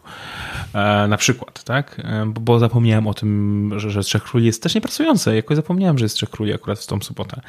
Natomiast wracając do twojego pytania, jak to zrobić, żeby nie przewidywać rzeczy na przyszłość. Ale dlaczego masz je przewidywać na przyszłość? Ty się uczysz. Każdy twój fuck up, każdy twój wkurw jest momentem do nauki. Mhm. Ja jak wracam do domu i czuję, że, że mi po prostu roznosi, jestem wściekły na siebie, że zrobiłem coś głupiego, no to co? No to jak tego uniknąć w przyszłości? No w przyszłości na przykład nie będę robił zakupów na ostatnią chwilę. Tak? Nie będę walczył tego karpia w Lidlu w dniu Wigilii. Tak? No to co, co, co, co zrobić? No to w takim razie w przyszłym roku zaplanuję, że to zrobię wcześniej. A w przyszłym roku zaplanuję, że coś zrobię wcześniej. Mhm. Tak, jak takiego. Na pewno będę o tym pamiętał. Więc musisz mieć system niezawodnych powiadomień. Pytanie, jeżeli korzystasz z Outlooka na przykład w pracy, taki Outlook jest fenomenalnym narzędziem do zarządzania sobą w czasie. Outlook jest bardziej e, systemem do zarządzania sobą w czasie niż mailem, w mojej ocenie dzisiaj. No tak. Jesteś w stanie to, to naprawdę z tego wycisnąć masę. I tam możesz ustawić sobie powiadomienie, tak, że na przykład 1 grudnia zaplanuj kupno karpia. Takie wydarzenie wrzucić do, do Outlooka. Absurdalne, no trochę. Natomiast jeżeli nie masz takiego systemu w życiu prywatnym, to wykorzystaj z życia zawodowego. Jeżeli masz taki system w życiu prywatnym, bo na przykład ja mam swój kalendarz, e, w tej chwili już tylko jeden, bo jeden zeszyt, to też mam w nim rzeczy na przyszłość. Taką listę rzeczy na przyszłość w kolejnych miesiącach. A nie wolałbyś używać e, wirtualnej wersji? E, mam problem z wirtualnymi wersjami e, mhm. z dwóch powodów. Pierwszą rzeczą jest to, że nie mam do końca poczucia, że jest efektywniejsze dla mnie. Ja mnóstwo notatek robię w telefonie, ale następnego dnia rano, kiedy planuję swój dzień, też notatki przenoszę do kalendarza, swojego tego głównego zeszytu. Z tej prostej przyczyny, że są opisane, inaczej też zapamiętujemy. I mi się już zdarzyło wielokrotnie, że gdzieś notatki mi na kompie nie wiedziałem, gdzie one są, na tym mogą otworzyć, e, telefon miałem rozładowany, no tysiąc różnych sytuacji, gdzie mi notatki e, wirtualne się nie sprawdziły. Jeżeli masz mieć system, to musi być on w 100% sprawny. Dla mnie zeszyt e, jest, bardziej chyba o niego dbam niż o portfel, tak? Do takiego stopnia, że, że on jest dla mnie taki istotny, mam takie istotne informacje dla mnie, że bez niego bym, bym był jak dziecko we mgle. Nie wiedziałbym, co, co mam w danym czasie zrobić. I to u mnie działa. Znowu, czego wracamy. Mam znajomych, którzy korzystają z wirtualnych tylko notatników i u nich one świetnie działają. U każdego z nas inaczej. Ja lubię dalej papier. Może to też moje zamiłowanie z książek stąd się bierze. Może jednak jestem e, osobą, która po prostu kocha jako syn stolarza rzeczy z drewna, a papier jest z drewna przecież. E, więc e, uwielbiam jego dotyk. Że tak, tak prawie to brzmi fetyszystycznie. Natomiast nie mam wątpliwości, że ja lubię książki w papierze i też notatki w papierze. Mhm. Do elektronicznych może jeszcze nie dorosłem. Okej, okay, no bo y, y, wiesz, też zapytałem z tego względu, że zanim ja się przerzuciłem na, na elektroniczną wersję kalendarza, to, to dużo czasu marnowałem na to, że zapisywałem coś e, w papierowym albo nie miałem dostępu łatwego do niego. I w, w, dopiero w momencie, kiedy przerzuciłem się na tą elektroniczną wersję, to poczułem taką wolność i swobodę. Co prawda, dalej notuję niektóre rzeczy na papierze, bo zgodzę się z tym, że jakby są pewne rzeczy, których nie byłbym w stanie zrobić na, na, na, na telefonie czy na komputerze, ale to, to, to mocno usprawniło pracę. Dla mnie większą wartością jest to, żeby to był jeden system mhm. i nieważne gdzie. Ważne, żeby to był jeden system, na, na którym możesz polegać. To, to, czy to jest elektroniczny, czy fizyczny, to już jest up to you zupełnie. To, to, to ty decydujesz, czy to jest coś wygodnego dla ciebie, czy nie. A w tej chwili, na 2019 rok aktualny, e, pod choinkę sobie sam położyłem malutki kalendarzyk, który jest mniejszy od telefonu. Są takie kalendarze wydawane, bardzo wygodny. Wiem, że, że testuję go w tym roku, czy, czy mi się sprawdzi, czy nie. No i tyle. Zobaczymy, czy będzie lepszy niżeli e, kalendarz e, w formie zeszytu, takie informacje, które wpadają ad hoc, czy nie. Mhm. To ma być właśnie kalendarz, taki notesik na informacje ad hoc, które zapełnię któregoś dnia i w tego dnia też otwieram dodatkowo ten kalendarzyk, będę widział, czy coś mam do zrobienia, czy nie.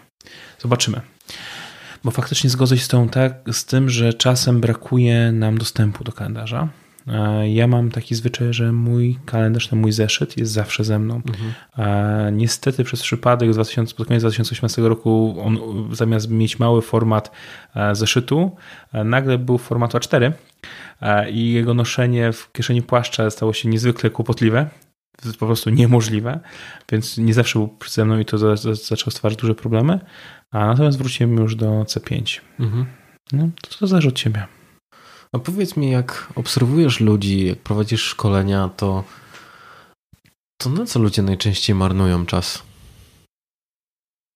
Mm, w życiu zawodowym czy prywatnym? Możemy i to, i to mówić. A w życiu zawodowym według mnie najwięcej czasu marnują na przełączanie się.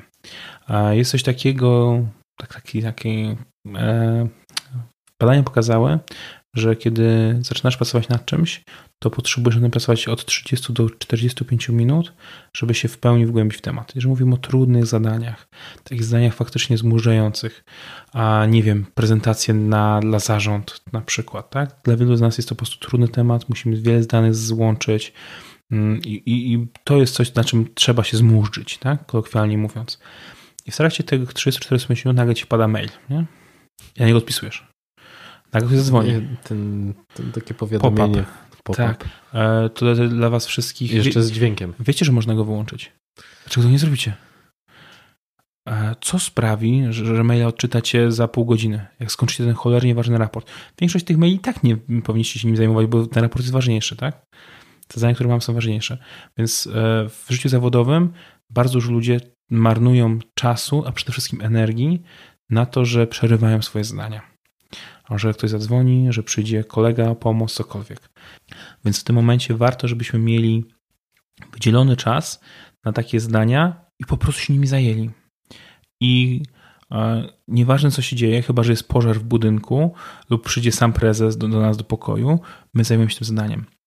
I to warto też zakomunikować swoim kolegom z zespołu a, i, i, po prostu nie odpowiadać na maile, wyłącznie pop-upy, że teraz masz czas na to zadanie. E, ludzie bardzo dużo czasu marnowali na tym.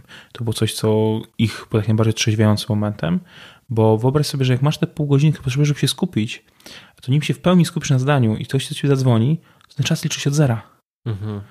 Więc na dwuminutowa rozmowa z kimś wybija cię z rytmu, wybija cię z stanu skupienia. Bo twój mózg nad trudnymi zadaniami musi poświęcić energię, musi na nich skupić. Więc na cholerę yy, przerywasz ten czas. Marnujesz go wtedy. Więc to jest w życiu zawodowym. No to wracamy do życia prywatnego. Mhm. A, a w życiu prywatnym to nas ludzie najczęściej, którzy są mi na szkoleniach, zwracają uwagę, że marnują czas, to są niepotrzebne dojazdy niepotrzebne z dwóch poziomów. Jedna rzecz to to, że dojazd, na którym, w trakcie którego nic nie robią. A to, to rozmawialiśmy, że na przykład w trakcie podróży można czytać książkę, można słuchać podcastu. No właśnie, bo ty dalej uczestniczysz w wyzwaniu czytania 100 stron dziennie? E, tak, dalej to wyzwanie jest. Natomiast niestety musiałem zmniejszyć ilość stron do 50. Mhm. Życie nie dawało rady po prostu. 100 stron dziennie książki, tak? Tak, 100 stron dziennie książki.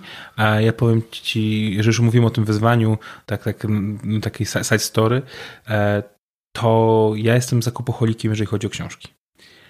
I to poważnie upośledzonym społecznie, bo potrafię przyjść do Empiku i w 5 minut kupić 19 książek. Mhm.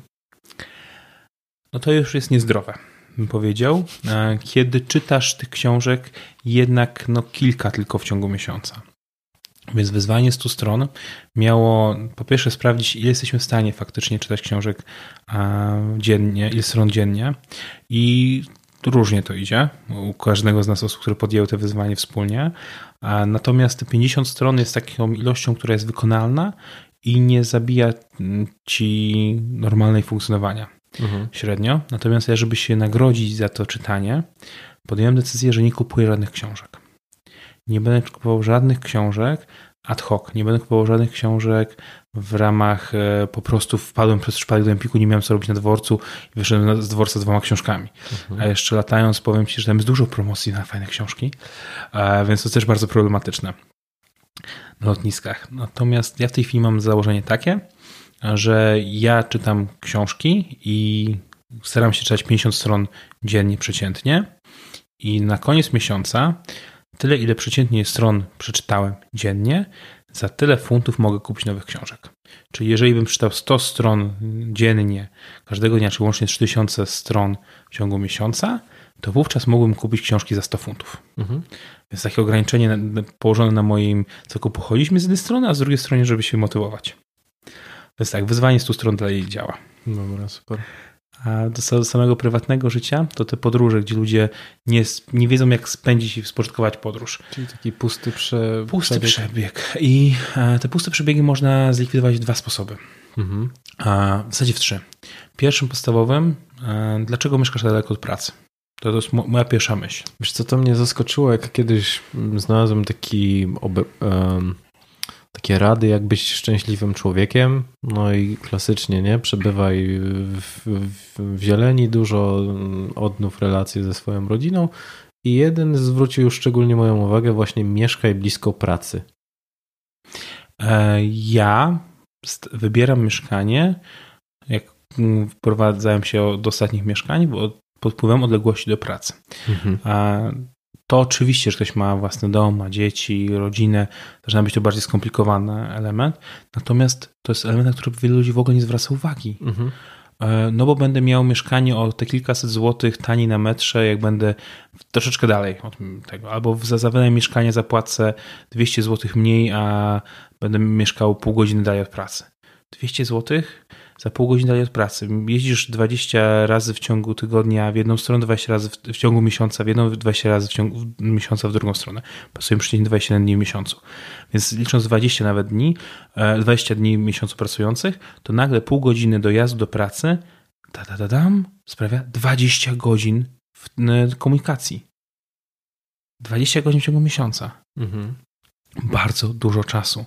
A, I jak mnie, zmieniałem mieszkanie we Wrocławiu poprzednim razem, e, to do pracy miałem około 15-20 minut przechodząc przez park, więc fantastyczne dotarcie do pracy. Jak teraz w Londynie wynajmowałem mieszkanie, to płacę więcej za mieszkanie, natomiast dojeżdż- niż moi koledzy, natomiast dojeżdżam do pracy 40 minut. W samym MPK jestem ichniejszym, jestem tylko 20 minut, a, więc bardzo krótko. W DDR-ce. 20 minut jestem w metrze i dojeżdżam do pracy. Mhm. Na standardy londyńskie to ja mieszkam przy samej pracy, bo moi koledzy dojeżdżają po dwie godziny. W samym Big Benie. Prawie. A wyobraź sobie dwie godziny w jedną stronę do pracy? Tak, znaczy nie wyobrażam sobie, ale bardzo często słyszałem takie historie i, i były dla mnie przerażające, bo no 4 godziny, dwa, dwie godziny w jedną, jedną stronę, stronę. czyli 4 godziny w sumie, a zakładam, że i tak zawsze ludzie trochę się tego wstydzą i zaniżają ten czas do, dojazdu. Możliwe. Bo Mhm. raczej głupio się przyznać, że poświęcasz, wiesz, 4,5 godziny dziennie tylko na to, że najczęściej na pusty przebieg, bo e, ja też bardzo lubię podglądać ludzi w e, komunikacji takiej publicznej i patrzę, co oni robią na komórkach. I wiesz, jak często ja po prostu raz, kiedy zobaczyłem, że dziewczyna powtarzała na, na używając e, fiszek elektronicznych słówka, to myślałem, że ją uściskam z radości, bo 90% ludzi przegląda social media albo gra w gry. Ja też nie chcę tutaj nikogo nikogo strofować i, mówi, i wa- waloryzować, co jest, co jest dobre, co, co złe. Oczywiście. Ja uwielbiam socia- social media, tak? Ja uwielbiam pisać znajomych zobaczyć, co u nich odpowiedzieć. Jasne, tylko zastanów się, ile na to czasu spędzasz. Dokładnie. Bo jeżeli na, gry, na komórce spędzasz dziennie 4, 5 godzin, bo całą drogę na przykład do pracy spędzasz grając w grę w Candy Crusha, e, to wówczas co, co, co ci zostaje? E, W londyńskim metrze jest reklama e, Audible, e, czyli audiobooków, właśnie skierowana do użytkowników Candy Crusha. Jest tam szympans, który twierdzi, że prze- przeszedł Candy Crusha, teraz może się zająć czym innym. Nie? Jest reklamą Audible audiobooków brytyjskich Amazona. Więc zastanów się, na co spędzasz ten czas w podróży. To Mhm. jakby drugi element. Jeżeli już nie możesz mieszkać blisko pracy, to co robisz w trakcie tej podróży? Czy ty w trakcie tej podróży pracujesz? Wiele osób ma dostęp do maili w komórkach. Dzisiaj w Polsce jest tak tani internet, jest najtańszy w Europie e, internet, praktycznie do internetu na telefonach komórkowych. Dlaczego nie przejrzysz swojego maila prywatnego w drodze do pracy? Nie podpisujesz na maila. To nie jest trudne pisać maila na telefonie. Wbrew pozorom jest bardzo proste. A już ci odejdzie jedna czynność, którą musisz wykonać tak czy siak.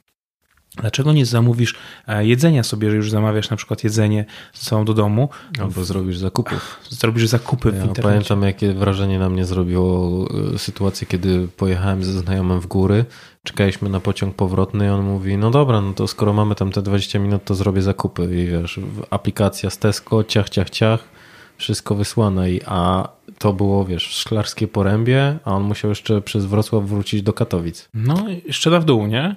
Niesam, niesamowite. I to możesz robić. Jest tych możliwości mnóstwo. Ja już nie będę naciskał na czytanie książek, tak? Bo to, to przy moim wyzwaniu to oczywiste, że ja przede wszystkim czytam książki. A natomiast tych rzeczy jest mnóstwo, które możesz robić. Jedną rzeczą, którą bym odradzał w komunikacji miejskiej, to jest dzwonienie. Bo sorry, niestety często zdarza mi się znać historię życia albo miłosną różnych moich współpasażerów komunikacji, kiedy oni krzyczą wręcz do telefonu. A więc to jest je- jeden e, rzecz, którą odradzam. Wszystko inne jak najbardziej możemy robić w komunikacji miejskiej czy w komunikacji, nawet w samochodzie. Wiele osób w samochodzie słucha podcastów, wiele osób w samochodzie odpowiada na maile. Nie wiem, czy widziałeś kiedyś ludzi, którzy jadą samochodem albo mają laptopa otwartego na siedzeniu pasażera. Światła, pyk, przegląda maila i odpisuje. Albo planuje, co, co dalej z tym zrobić. Nie myślę, że to już trochę przesada, że... Zależy, e, ile czasu w tym samochodzie spędzasz. Mhm. Jeżeli spędzasz w samochodzie na Nie, bo dojeździe... tak pojawiło mi się, wiesz, e, wracając do tej hiper-pseudo-efektywności, że czy przypadkiem, okej, w momencie, kiedy Jest to ryzykowne. tak ryzykowne, bo, bo myślę sobie, że w sytuacji, kiedy stoisz na światłach i załóżmy, że jesteśmy w tej super komfortowej sytuacji, że jest tam wyświetlacz, który nam pokazuje, że masz Mhm. 75 sekund teraz, czy, Czy to nie jest to, o czym ty mówiłeś, że, mm, że my marnujemy czas na przełączanie się między zadaniami? Czy na przykład zastanowienie się, mm, wiesz, nad czymś byłoby lepszym rozwiązaniem, niżeli tak, trzaskanie tych maili? Ale nad czym masz się zastanowić, jeżeli nie wiesz, co się wydarzyło w pracy? Na przykład to jest moment, kiedy czytasz tego maila i zastanawiasz się, jak to, co się wydarzyło. Mam rozwiązanie. Program do audiodeskrypcji, w sensie, żeby czytał ci maile i bank. I, roz... I, drugi program do e, dyktowania głosem. Nie? No. Da się. Ale no znowuż, to też zależy do Twoich potrzeb, tak? Jeżeli Ty e, pracujesz na stanowisku specjalistycznym w korporacji, potencjalnie jak będziesz czytał maile w drodze do pracy e, na laptopie kierując, to będzie no pseudo, e, hiperpseudo e, efektywność. Mhm.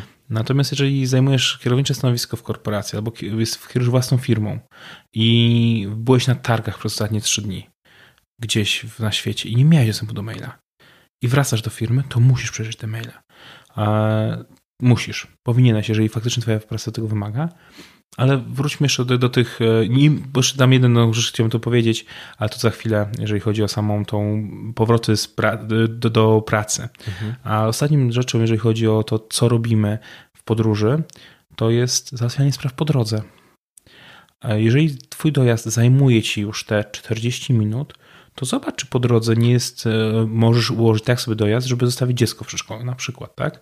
Wielu tak robi, ale zwróć uwagę, że wśród moich znajomych na przykład wiele osób stawia dziecko w przedszkolu na jednym krańcu miasta, a potem idzie na, z jednego krańca miasta wyrusza, na innym krańcu miasta stawia dziecko w przedszkolu albo w szkole, a na trzeci e, do pracy. Wiesz, to jest ciężki temat, bo kurczę, słyszałem, że dostać teraz przedszkole to jest praktycznie jak na szczęście e, nie mam dzieci, albo inaczej nie wiem o tym, żebym miał jakieś dzieci, mhm. a więc e, ten, ten problem mnie nie dotyczy. Natomiast może faktycznie tak jest, że jest to duży, ciężki temat.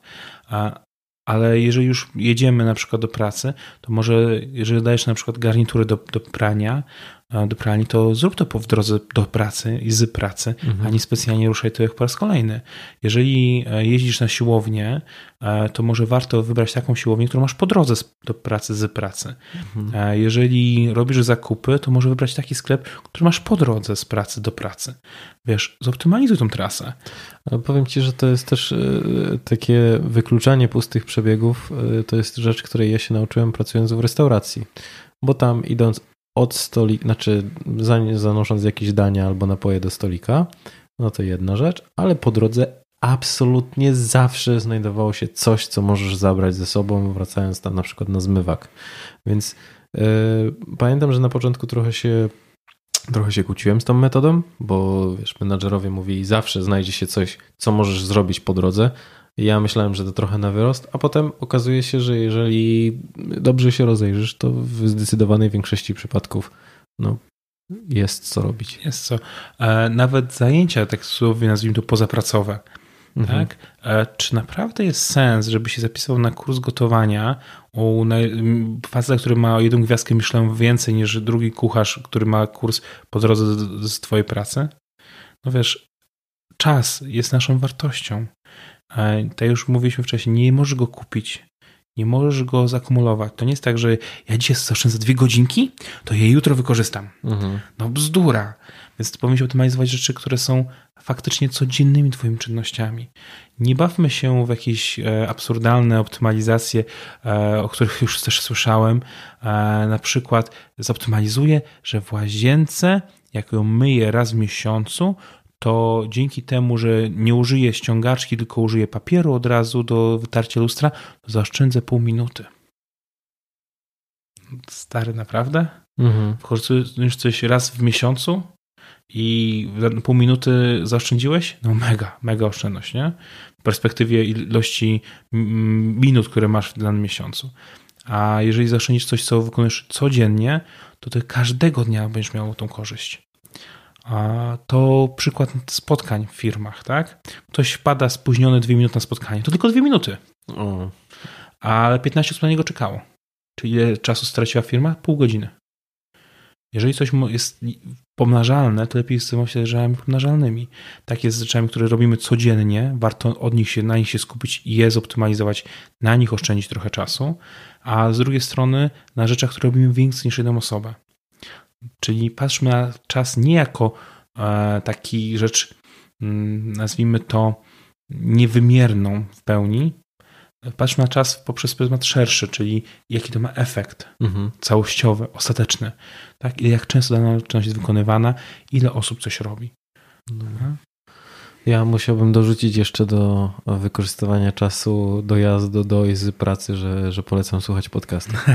E, Polecam słuchać podcastów Dawida Straszaka, to, to- mówiłem ja, Paweł Bochnowski. To nawet nie, nie, nie, nie chodzi o tylko o charyzmatycznego, ale po, polecam każdy, bo ja myślę, że naj, ogromną wartość, do, od, znaczy taki ogromny gratis od życia dostałem słuchając i słuchałem głównie w komunikacji miejskiej, e, ale też na przykład jestem pod olbrzymim wrażeniem Kamili Goryszewskiej, która jest moją znajomą z, podcastu Słucham Gadam, bo w, w, będąc w świecie podcasterskim, ona praktycznie każdy odcinek zna. Wow. E, I myślę sobie, kurczę, jak to jest możliwe? Okazuje się, że ona słucha głównie właśnie w komunikacji miejskiej. Więc puste przebiegi wykorzystane w taki sposób, że, e, że cały czas zdobywasz nową wiedzę. Zgadzam się w 100%. Fajne w podcastach jest to, że masz ręce wolne. Mhm. Jak słuchasz podcastów, e, masz ręce wolne. Czy naprawdę chcesz słuchać kolejny raz utworów e, playlisty, któ- którą masz na Spotify'u? A może warto na Spotify'u, już nawet są przecież podcasty teraz, tak? Tak. I fantastyczną rzecz jest na Spotify'u, nie wiem czy wiesz, na Spotify'u można słuchać podcastów dużo szybciej niż na podcastach Apple'a.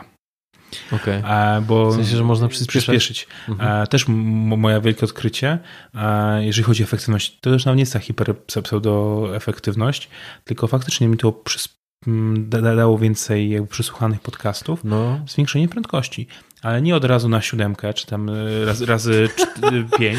znaczy może powiedzmy o Ty, ty się chodzi, nie że- śmiej, ja to zrobiłem. że, że da się przyspieszyć jakby prędkość odtwarzania i yy, no i tam jest chyba skalowanie co jedną czwartą. W Jakby. zależności u kogo, u nich jest na Okej. czwartą, u nich jest co, co pół. Natomiast faktycznie ja, ja taki wiesz, ach, mój mózg jest sprawny, to ja sobie wrzucę razy 7. A, no, no nie, no nie jest sprawny. Mhm. Stopniowo zwiększam tą prędkość, ale dzisiaj ja już nawet nie odpalam podcastów na prędkości niższej niż 2.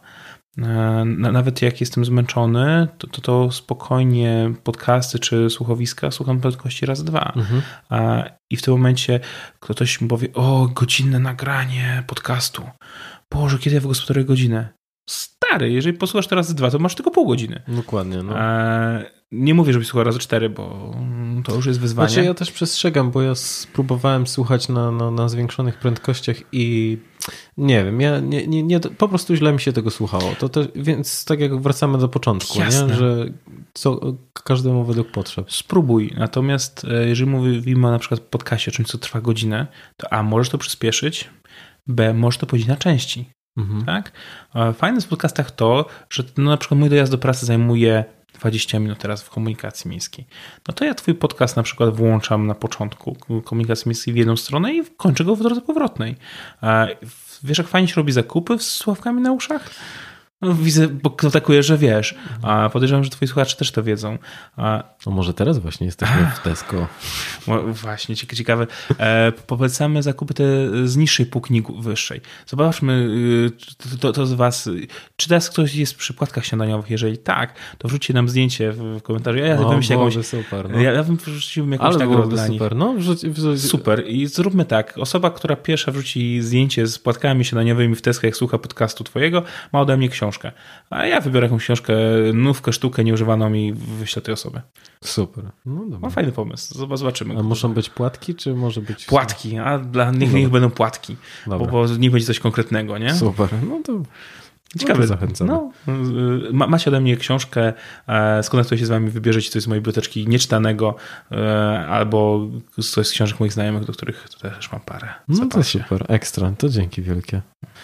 E, do, a słuchaj, no skoro już mówimy o takich lifehackach, jak właśnie Mhm. przyspieszanie, przyspieszanie podcastu, przychodzi ci- coś do głowy, bo ja mam, ja mam na przykład jeden, e, który jest ekstra, że jak organizuję spotkania i nie chcę po prostu, w sensie w pracy, nie chcę, żeby spędzić na tym pół godziny, to organizuję je w miejscu, gdzie nie można usiąść.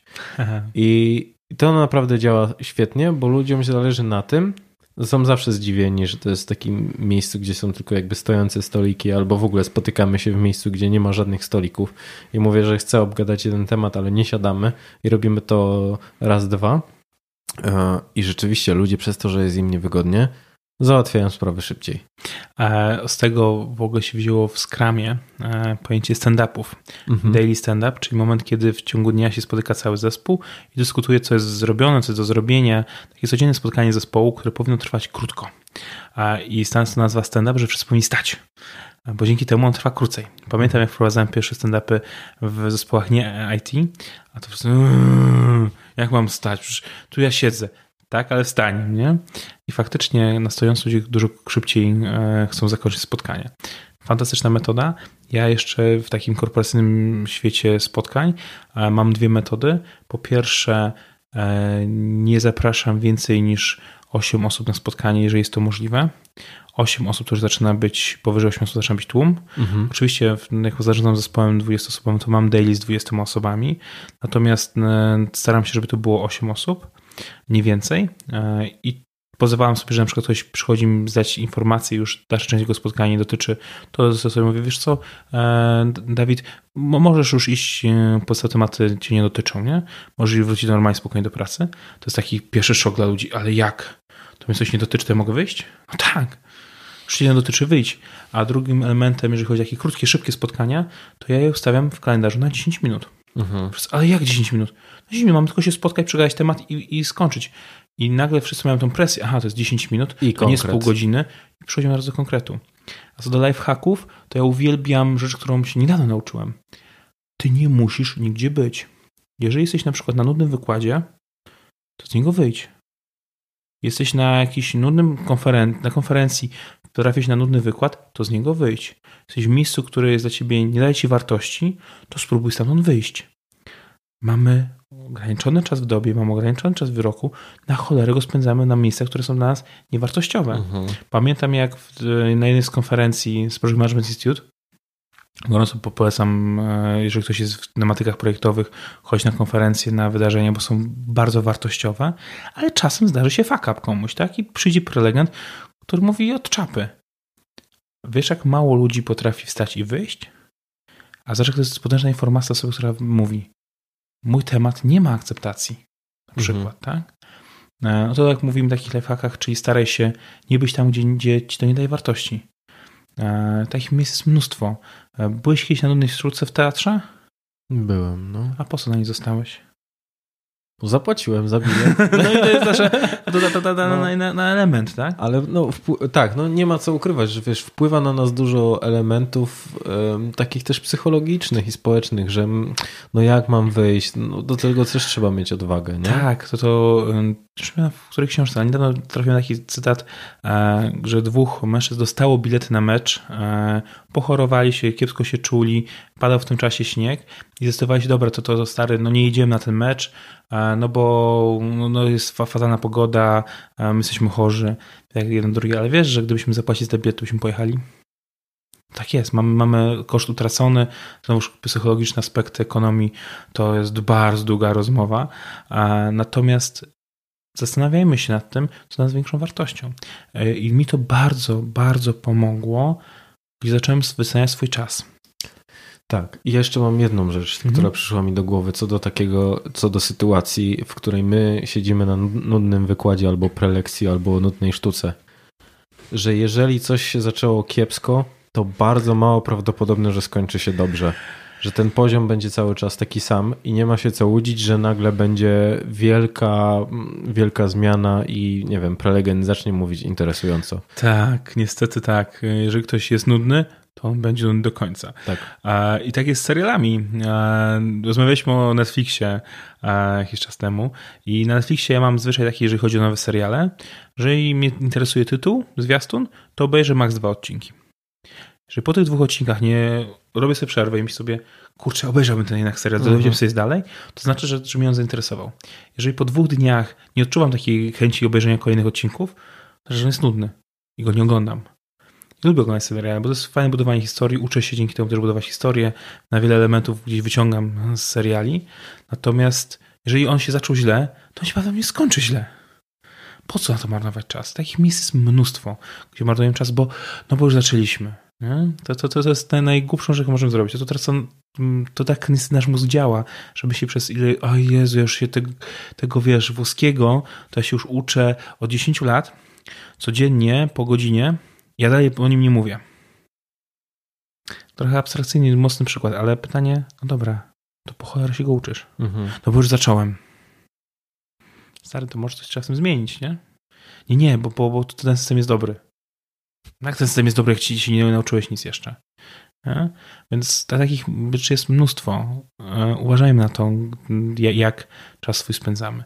A drugą rzeczą, takich lifehackiem, to jest to, że ja zawsze staram się zastanowić, co jeszcze mogę dodać do, do danego czasu. Jeżeli mam zaplanowane jakieś spotkanie, na przykład z ludźmi ode mnie z zespołu, zastanawiam się, czy mogę coś jeszcze poruszyć na tym spotkaniu, żeby się z nimi spotykać dodatkowo.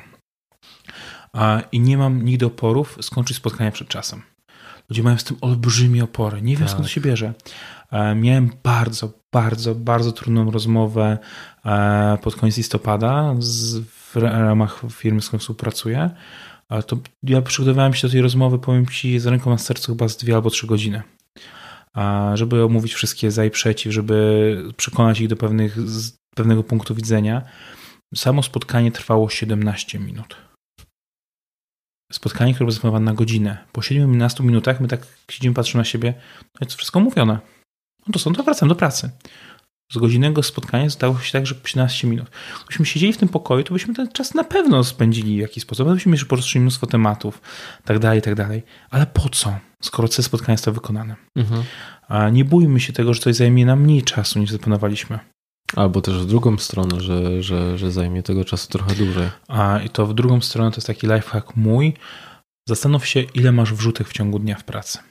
Każdy z nas je ma. Co to znaczy? Wrzutki są zadania, których nie zaplanowałeś, a musisz je mhm. wykonać tego dnia. E, z moich obserwacji wynika, że z od 20 do 80% czasu pracy są wrzutki. Więc jeżeli masz pracę wrzutkową, na przykład e, jesteś w obsłudze klienta i w obsłudze klienta możesz zaplanować odrobinę swojej pracy ale tylko odrobinę. Większość tak naprawdę to jest wszystkie działania ad hoc. No to wtedy prawdopodobnie nie ma sensu, żebyś planował 8 godzin w swojej pracy, tylko zaplanuj 20% z tego. Tak? Mhm. Po co planować na wyrost, skoro tak tego nie spełnisz? Jeżeli znowuż masz pracę bardzo stabilną, to i tak prawdopodobnie ci wrzutki pojawią. Ludzi strasznie frustruje to, że mają swój plan i on nagle nie idzie. Jak ja tworzę swój plan, ja wiem, że on mi nie pójdzie zgodnie z planem. Ja już to wiem na 100%. Ja w ciągu dnia mam znaczone rzeczy, które mogą z niego wylecieć. A ja planuję mniej więcej 60% swojego czasu w pracy. Tak mniej więcej. Na spotkania, na wydarzenia, nawet na lunch mam też czas zaplanowany. 60%. Wszystko powyżej, poza 40% to są wrzutki, są rzeczy, które się pojawiają nagle. No i teraz ktoś może powiedzieć, no dobra, to nie jest planowanie. Właśnie planowanie, bo wiesz, jak, jak to działa. A, I to tak samo znowuż sprawdźcie u siebie, ile takich wrzutek wam się pojawia w ciągu dnia i zaakceptujcie, że nawet najlepszy wasz plan ulegnie zmianie. A jedną z pierwszych rzeczy, którą należy się uczyć w, w ramach zarządzania projektami, które założenie z planowaniem tak, w przyszłości, jak coś wykonamy, jest to, że ta przyszłość się zmieni.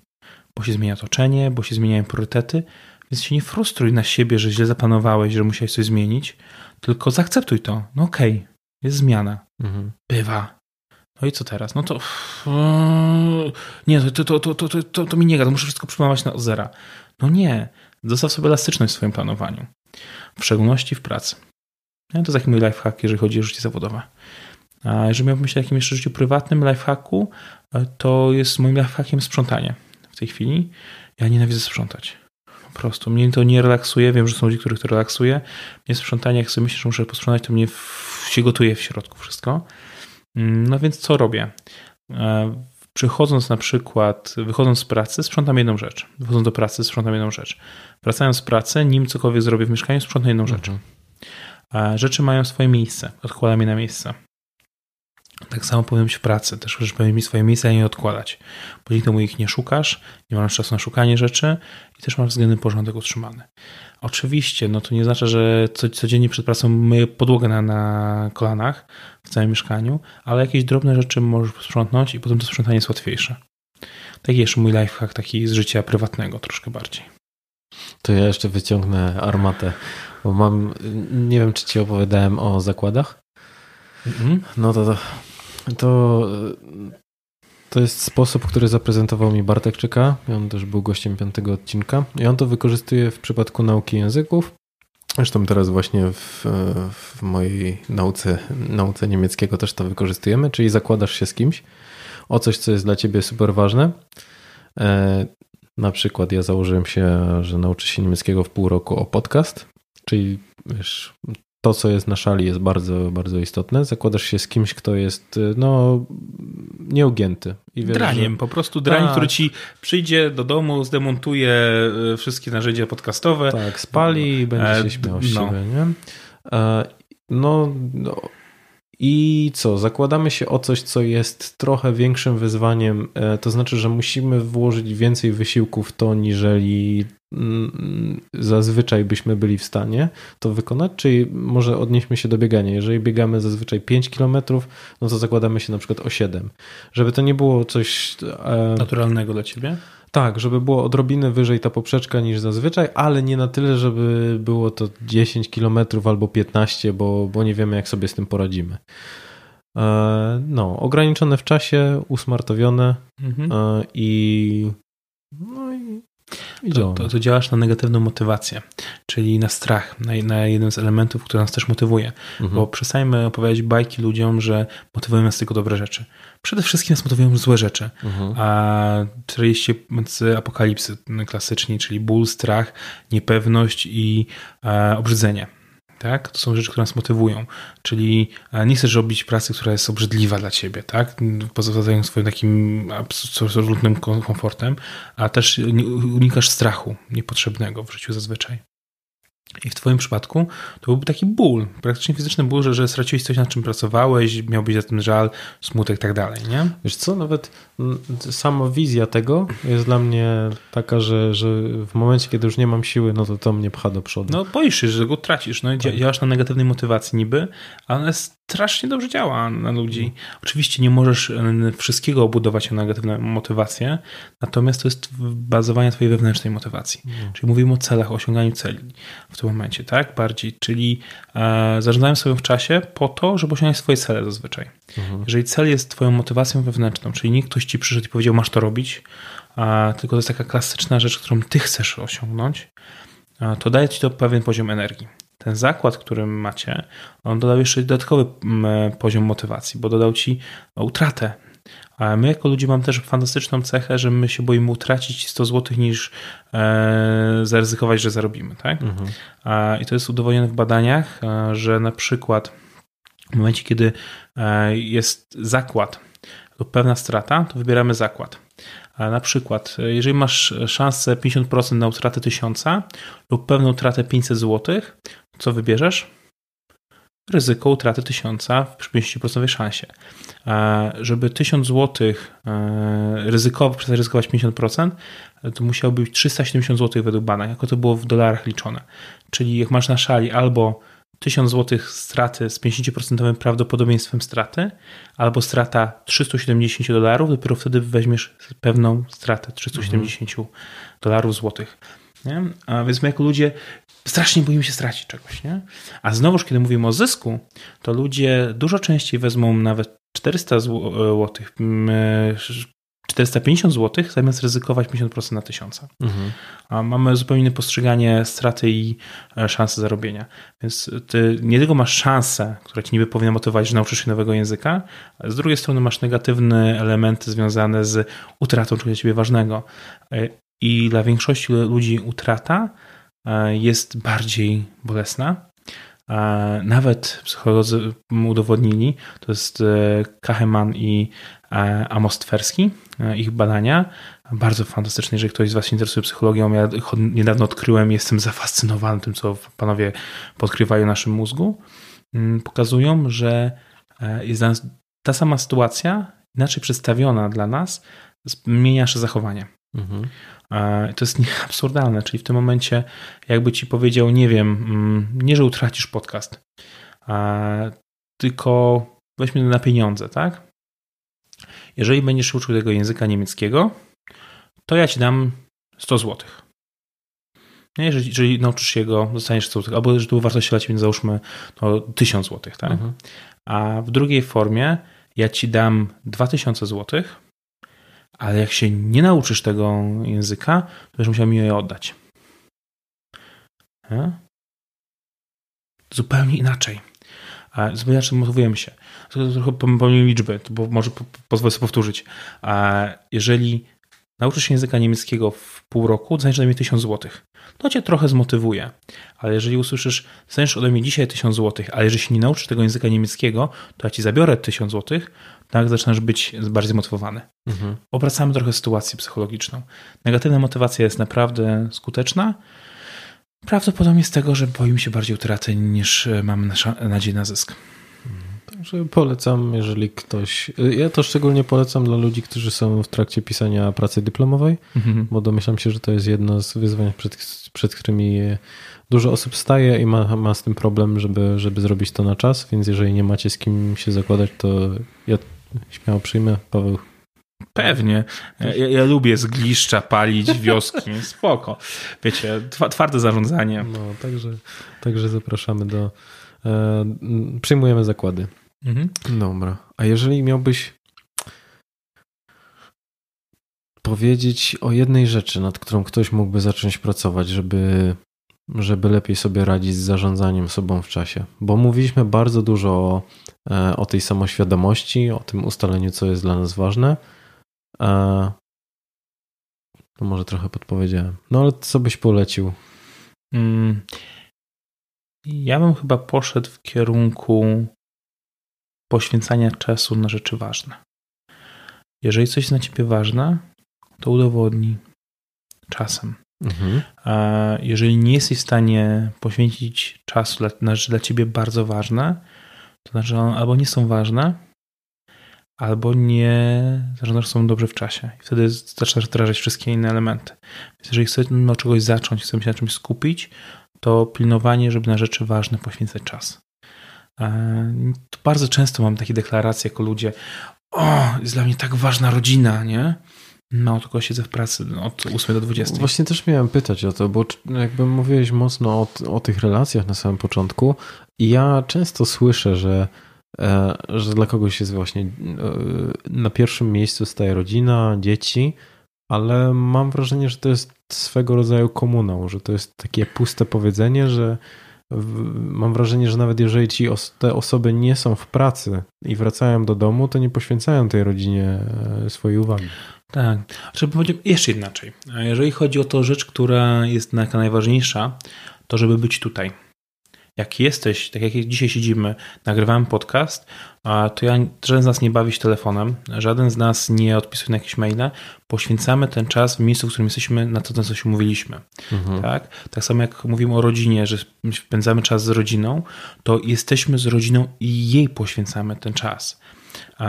Może poświęcanie złe, złe słowo, ale to na rodzinę wydatkujemy ten nasz czas. Mhm to w nią inwestujemy. To inwestujemy dzisiaj w spotkanie przy wodzie i mikrofonach, żeby porozmawiać o zarządzaniu w czasie, to obydwaj jesteśmy tutaj i teraz. Skupiamy się na tym, co robimy. Nie myślimy o 20 projektach, które są zaraz za drzwiami studia i my, które zaraz będziemy wracali do życia. Jesteśmy tutaj. I tak należy według mnie zarządzać w czasie, żeby być w tym miejscu, w którym jesteście w miejscu, w którym zaplanowaliście, że jesteście. Bo wtedy, jeżeli mówicie, że dla was jest e, rodzina ważna, to jak będziecie z nimi, to będziecie z nimi spędzać czas. E, ja bardzo często posługuję się przykładem z, moim, e, z mojego domu rodzinnego oglądania wieczornego wiadomości. My siadaliśmy z moimi rodzicami oglądaliśmy wiadomości.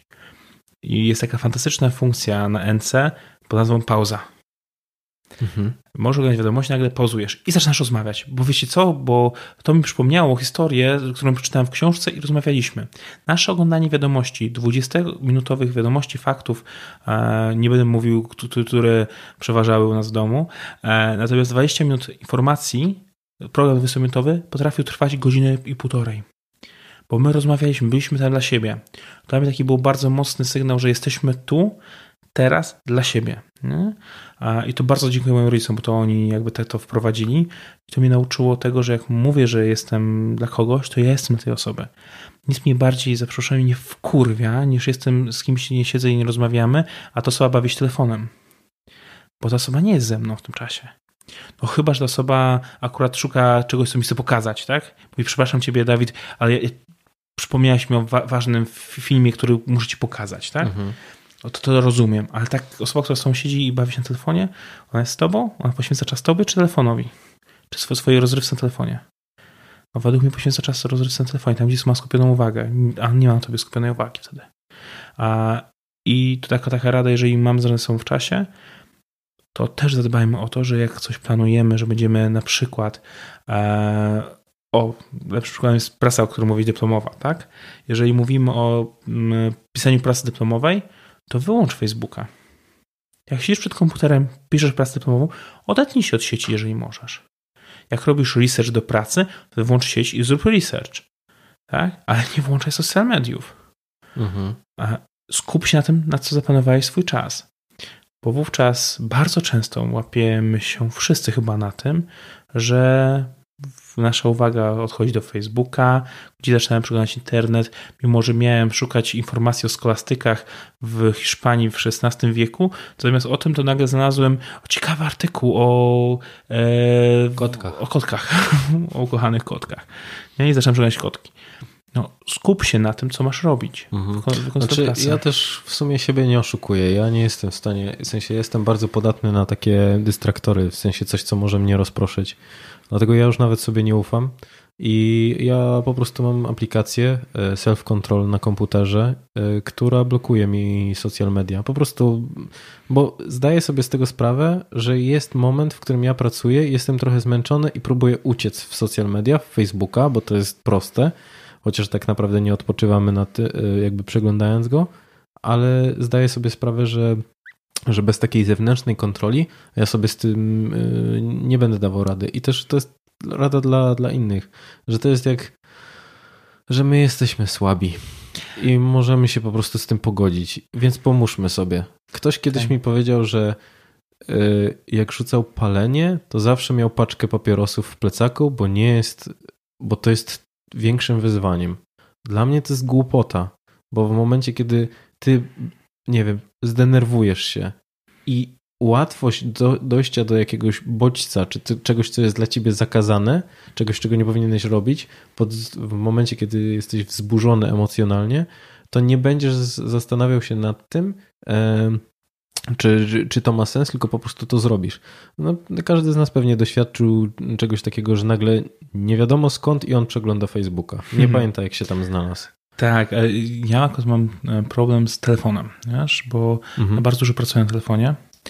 I na telefonie jest ciężko, e, ciężko jest wyłączyć Facebooka, może go instalować. Ja instalowuję i instaluję Facebooka bardzo często, bo ja na Facebooku też pracuję. Mhm. A więc u mnie jest tak, e, tego dnia jest i potrafię w ciągu dnia odinstalować Facebooka dwa, trzy razy. Mhm. A, no bo teraz mam czas skupienia i powiem popracować nad odpisywaniem maili do, do osób, a nie w siedzeniu na Facebooku na przykład, tak? No. A drugą rzeczą, która jest, jeżeli znowu mamy problem, dużo ludzi ma problem, że ucieka do telefonu, nie? Że, że tak rozmawiamy, a nagle ma telefon w dłoniach i coś grobie w telefonie. A dlatego, że telefony mają coraz lepsze wyświetlacze. Naprawdę jest to tak fantastycznie kolorowy, piękny świat. A dlaczego nie włączysz sobie funkcji czarno-białej? Jeśli masz Androida, jest ona domyślnie ustawiona, wygooglaj to. W Androidzie jest to bardzo proste włączenie, w iPhone'ach tak samo. W iPhone'ach chyba już tego nie ma. Wyłączyj Pamiętam, że, że jak ja zacząłem stosować ten grayscale, to no byłem zaskoczony, jak po prostu paskudnie wygląda Instagram bez, bez e, tak, jakichkolwiek jak paskudny kolorów. jest Facebook. No, wszystko. Tak, no i super. W tym momencie, jeżeli ja mam pracować e, i nawet wejdę na tego Facebooka, a mam ten grey screen, to wówczas, a okej, okay, no dobra, no, to nie będę na nim siedział przez 20 minut przeglądając zdjęcia kotków, no bo pierwsze zdjęcie z kotka mi się od razu nie spodoba, już mi to nie wciągnie. No, bo są... To jest jak taki też z grupy lifehacków, jak, jak podnosi swoją produktywność. Widzisz, to też mnie bardzo zdziwiło, jak już od, odinstalowałem z komórki i, i LinkedIn i, i Facebooka, jak szybko udaje mi się odpis, ogarnąć social media przy, wiesz, przy podcaście, przy, zawsze mi się wydawało, Boże, ja mam tyle roboty na social mediach, po prostu drugi etat, a okazuje się, że to jest 30 minut dziennie, żeby, hmm. wiesz, odpisać na wszystkie komentarze, odpisać na wiadomości i tyle, tylko w momencie, kiedy robi się to za jednym podejściem. To jest to, to co mówiliśmy o dystraktorach. Nie? Mhm. A gdy nie wejdziesz na wysoką efektywność odpisywania komentarzy, jak to robisz po 5 minut w, w przerwach, tak? No, to będziesz po prostu każdy musiał się skupić, yy, odpisywać. I to, co ja polecam już tym osobom, które mają więcej problemów z zarządzaniem sobą w czasie, które mają już bardziej zaawansowane jakby wyzwania przed sobą, to grupować zadania. Bardzo dużo mam takich zadań rozsianych w ciągu dnia, drobiazgów, a to dzwonić do wujka, a to napisać do kogoś komentarz na Facebooku z okazji życzenia urodzinowe, a to odpisać na wiadomości na social media, które mamy, tak jak w Twoim przypadku podcast, czy mając firmę e, i tak dalej, i tak dalej. Jest tego mnóstwo. Dlaczego nie zgrupujesz raz dziennie albo dwa razy dziennie? Ja na przykład na maile w pracy odpisuję przeciętnie trzy razy dziennie. Miałem kiedyś to w stopce do czasu, kiedy dopóki nie zacząłem wysyłać maili do członków zarządu. E, dziwnie zareagowali, jak w stopce było napisane PS, jeżeli masz coś mnie pilnego, to zadzwoń, bo odpisuję na maile tylko trzy razy dziennie. W mhm. godzinach takich, takich, takich. Członkowie zarządu tego nie zaakceptowali, ale inne osoby w firmy nie miały z tym problemu. No tak. Więc da, da się, da się, to jest, to jest twój wybór, nie?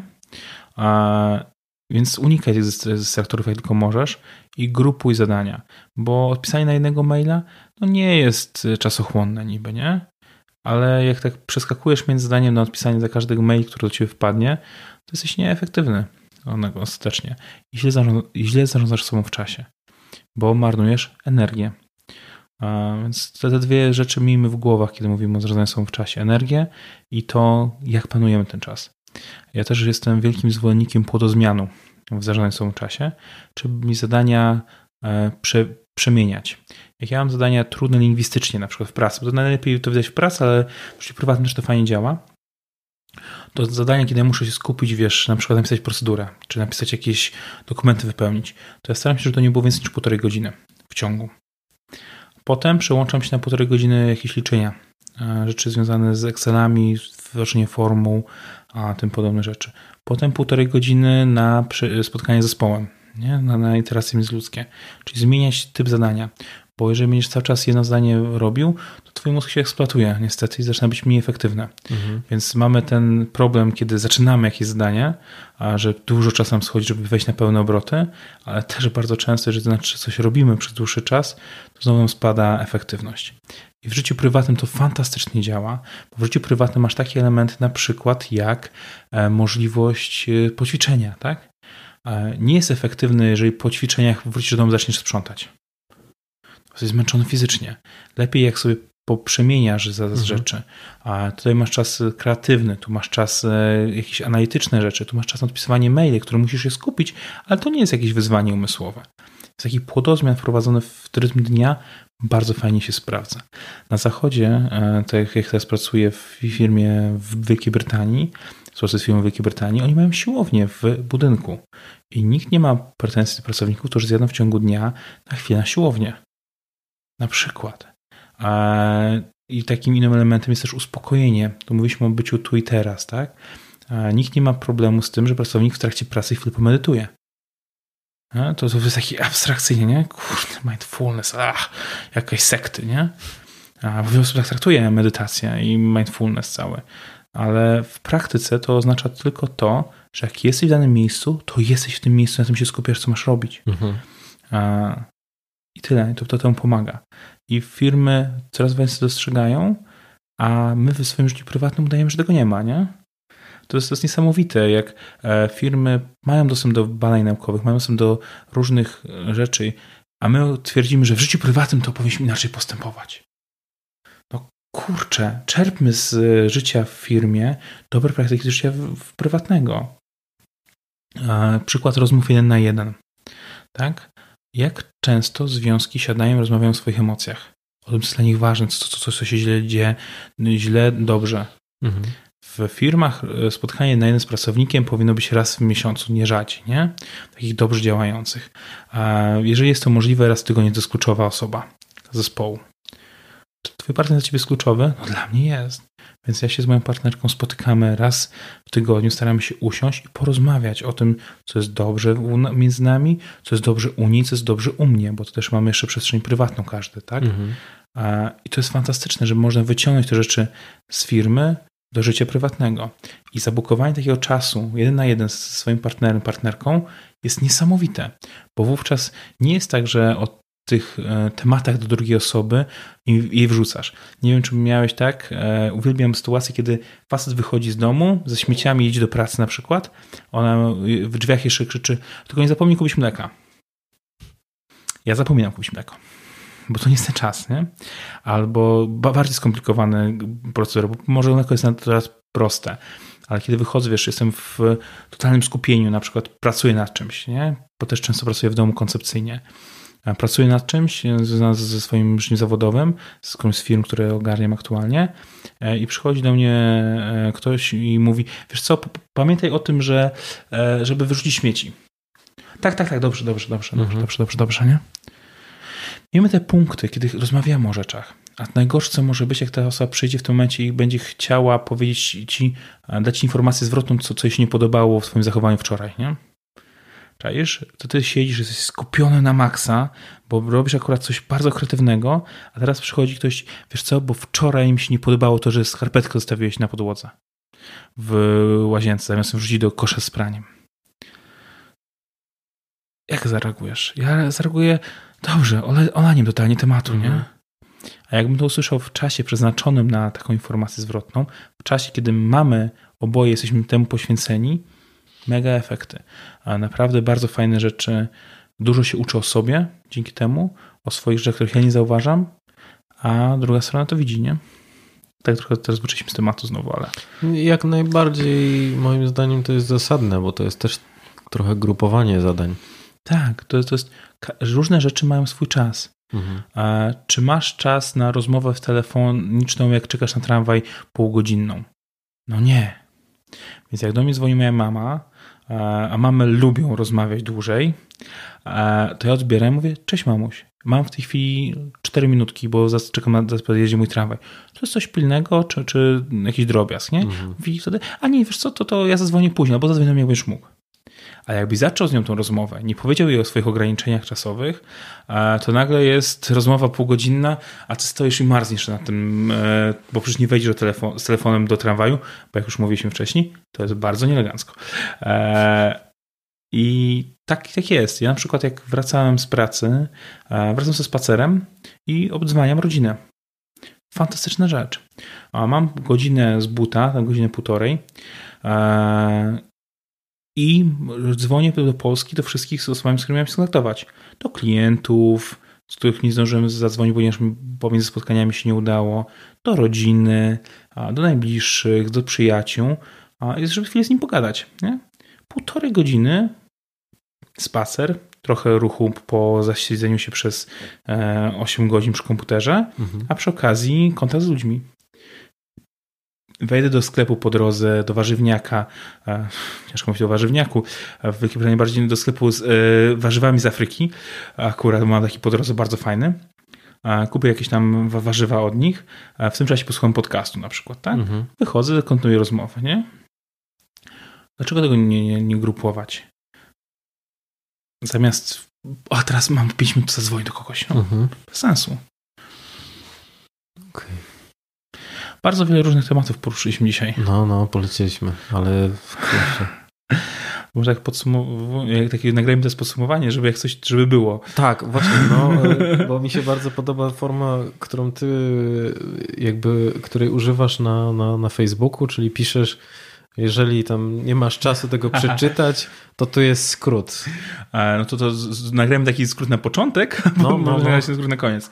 E, to kochani, jeżeli nie macie czasu przesłuchać całego podcastu, to w wielkim skrócie tak najważniejsze rzeczy, jeżeli chodzi o zarządzanie sobą w czasie z mojej strony, to by było bądźcie w tym miejscu, w którym twierdzicie, że jesteście. Czyli jeżeli mówicie, że macie teraz czas na odpisywanie na maile, to odpisujcie na maile. Jeżeli macie teraz czas na spędzanie czasu z rodziną, to spędzajcie czas z rodziną, a nie bawcie się komórką i sprawdzacie maile e, z firmy. A jeżeli jesteście w firmie e, i dzwoni do was wasza mama, e, akurat bo ważną rzecz widziała w telewizji, to przeproście mamę i powiedzcie, że akurat w tej chwili, mamo, jestem w pracy, odzwonię do ciebie po niej. Taka jedna rada. A drugą rzeczą, którą wam chyba obydwaj możemy świadomie polecić, to unikajcie rzeczy, które są niby efektywne, a w praktyce drenują was z energii i takiego hiperefektywności unikajcie jej, kiedy nie jest potrzebna. I pamiętajcie o tym, że zarządzanie sobą w czasie to nie tylko zarządzanie sobą w czasie, ale też zarządzanie swoją energią w tym czasie. Mhm. I pamiętajcie o tych rzeczach, które są ważne energetycznie, takich jak sen, takich jak jedzenie, takich relacje z innymi ludźmi, takim jak wystawianie się na, na światło słoneczne czy e, wysiłek fizyczny. To wszystko też was ładuje energetycznie i warto, żebyście o tym pamiętali, że to nie tylko zarządzacie sobą w czasie, że musicie wszystkie zdania zmieścić w ciągu dnia, ale też patrzcie w ciągu dnia, ile macie energii, na jakie zdanie możecie ją spożytkować tak tytułem wstępu i takiego szybkiego podsumowania dla osób, które nie mają siły i ochoty słuchać nas dalej, bo mój głos jest irytujący e, na przykład. No więc, a jeżeli ktoś ma ochotę posłuchać dłuższej wersji, to, to, to zapraszamy. E, no i pytanie, które zadaję wszystkim swoim gościom. Czym dla ciebie jest charyzma? Ojoj, e, zauważyłem, że zadajesz to pytanie wszystkim gościom i to, to zaraz jadąc do ciebie cały czas się zastanawiam, zastanawiałem jak, jak na nie odpowiedzieć. To zostawiałem na, ostatni, na ostatnią chwilę. Tak, tak, bo charyzma jest rzeczą niby prostą, a czy ja bym powiedział w ten sposób. E, charyzma jest... Kojarzysz e, gry e, RPG pewnie większość z nas kojarzy. Tam każdy miał różne skille w różnych miejscach. Tam też była bardzo często charyzma. Mhm. A ta, tam charyzma była odzwierciedleniem w szczególności Falloutie, którego uwielbiałem, e, na umiejętność targowania się, retoryki. Miała wpływ na to, jak inni nas postrzegali bardzo często, nie? I charyzma dla mnie to jest tym, jak inni nas postrzegają w dużej mierze. Czy nas postrzegają w sposób pozytywny, czy mam na nich pewien wpływ dzięki temu, jacy jesteśmy, szeroko rozumiani, jacy jesteśmy, czy też e, oddziaływujemy na nich w ten sposób, że oni chcą mieć z nami nic do czynienia. Osoby całkowicie antycharyzmatyczne, bym nawet powiedział, że to nie jest tylko na plus do zera wartość, ale również można być na minus, odrzucają innych i oni mówią, kurczę, z tą... Czasem tak mamy, że poznajemy jakąś osobę i mówimy, kurczę, z tą osobą nie chcę mieć nic do czynienia. Mhm. My ją odbieramy wtedy jako dla mnie antycharyzmatyczną. A są osoby neutralne, które e, poznajemy i praktycznie nie zapominamy. Albo, no okej, okay, istnieje taki Paweł Bochnowski, ale nie mam wobec nich żadnych emocji do tej, osoby. To już raczej jakiś tam Paweł. Okej. Okay. Tak, to w tym przypadku byłby jakiś tam taki Paweł z brodą no. dziwny. Nie? W, w, w, ogóle, nie, nie, w ogóle mi są obojętne. No i osoby charyzmatyczne, te, które wzbudzają naszą sympatię, które wzbudzają nas pozytywne emocje. Ja bym powiedział, że charyzma to jest umiejętność wzbudzania emocji w innych ludziach. Tak, tak tym jest dla mnie. Mhm. I wiem, bo też wiem z swoich podcastów, że często się pytasz, czy charyzma można się nauczyć. Według mnie każdy z nas, rodząc się, ma jakiś punkt startowy poprzez wychowanie, poprzez te pierwsze lata życia, pewnie jakieś też e, zdolności, predyspozycje. Natomiast w mojej ocenie większość rzeczy jesteśmy w stanie wyćwiczyć w sobie, większość rzeczy w stanie się nauczyć. Uważam, że charyzmy również. Mhm. I znowuż można się nauczyć dobry i zły sposób, można się nauczyć ją i manipulować ludźmi, a można się nauczyć po prostu zmienić siebie troszeczkę, żeby być bardziej przyjaznym dla innych ludzi. A mój faworyt, miałem kolegę, który zawsze mieszał imiona innych ludzi. Wyobraź sobie, jakbym do, do ciebie przez cały wywiad mówił Darku. Mhm. To jest takie stary, nawet, nie chcecie zapamiętać mojego imienia. Mhm. I on miał z tym duży problem, bo ludzie e, go stwierdzają, nie chcę mieć z nim do czynienia, nie? Mhm. Za bardzo. E, I facet skupiał się i zaczął sobie notować imiona ludzi, zaczął na tym pracować i w końcu to wyćwiczył. Nie wiem, na ile to było jakieś jego niepełnosprawność w tym obszarze, tak można to nazwać nawet. E, natomiast facet po prostu całkowicie nie przywiązał uwagi. Zaczął tego przywiązywać uwagę, nagle stał się bardziej charyzmatyczny. Nagle był sympatycznym człowiekiem, bo pamiętał moje imię, nie? A nie mówi do mnie Piotr, Patryk, nie? Jakie to robi wrażenie, jeżeli kogoś poznasz i powiesz od razu po imieniu. Tak. E, no chyba Abraham Lincoln, tak? Wysyłał ludziom e, życzenia urodzinowe, bo nie tylko zapamiętał kogoś imię i nazwisko, ale jeszcze dowiadywał się, kiedy ma urodziny, zawsze wysyłał do tej osoby listu na urodziny osób ważnych dla niego. Nie? No ja nie dostałem od Abrahama nic, ale... No właśnie, Abraham, co, co, co się musi mu przypomnieć, nie? E, no, natomiast można. Dobra. A, a, powiedz mi, jeżeli ktoś chciałby się z tobą skomunikować, to w jaki sposób e, najlepiej? Ojoj, tych, tych dróg jest bardzo dużo. E, mhm. Polecam w, szukać mnie na LinkedInie.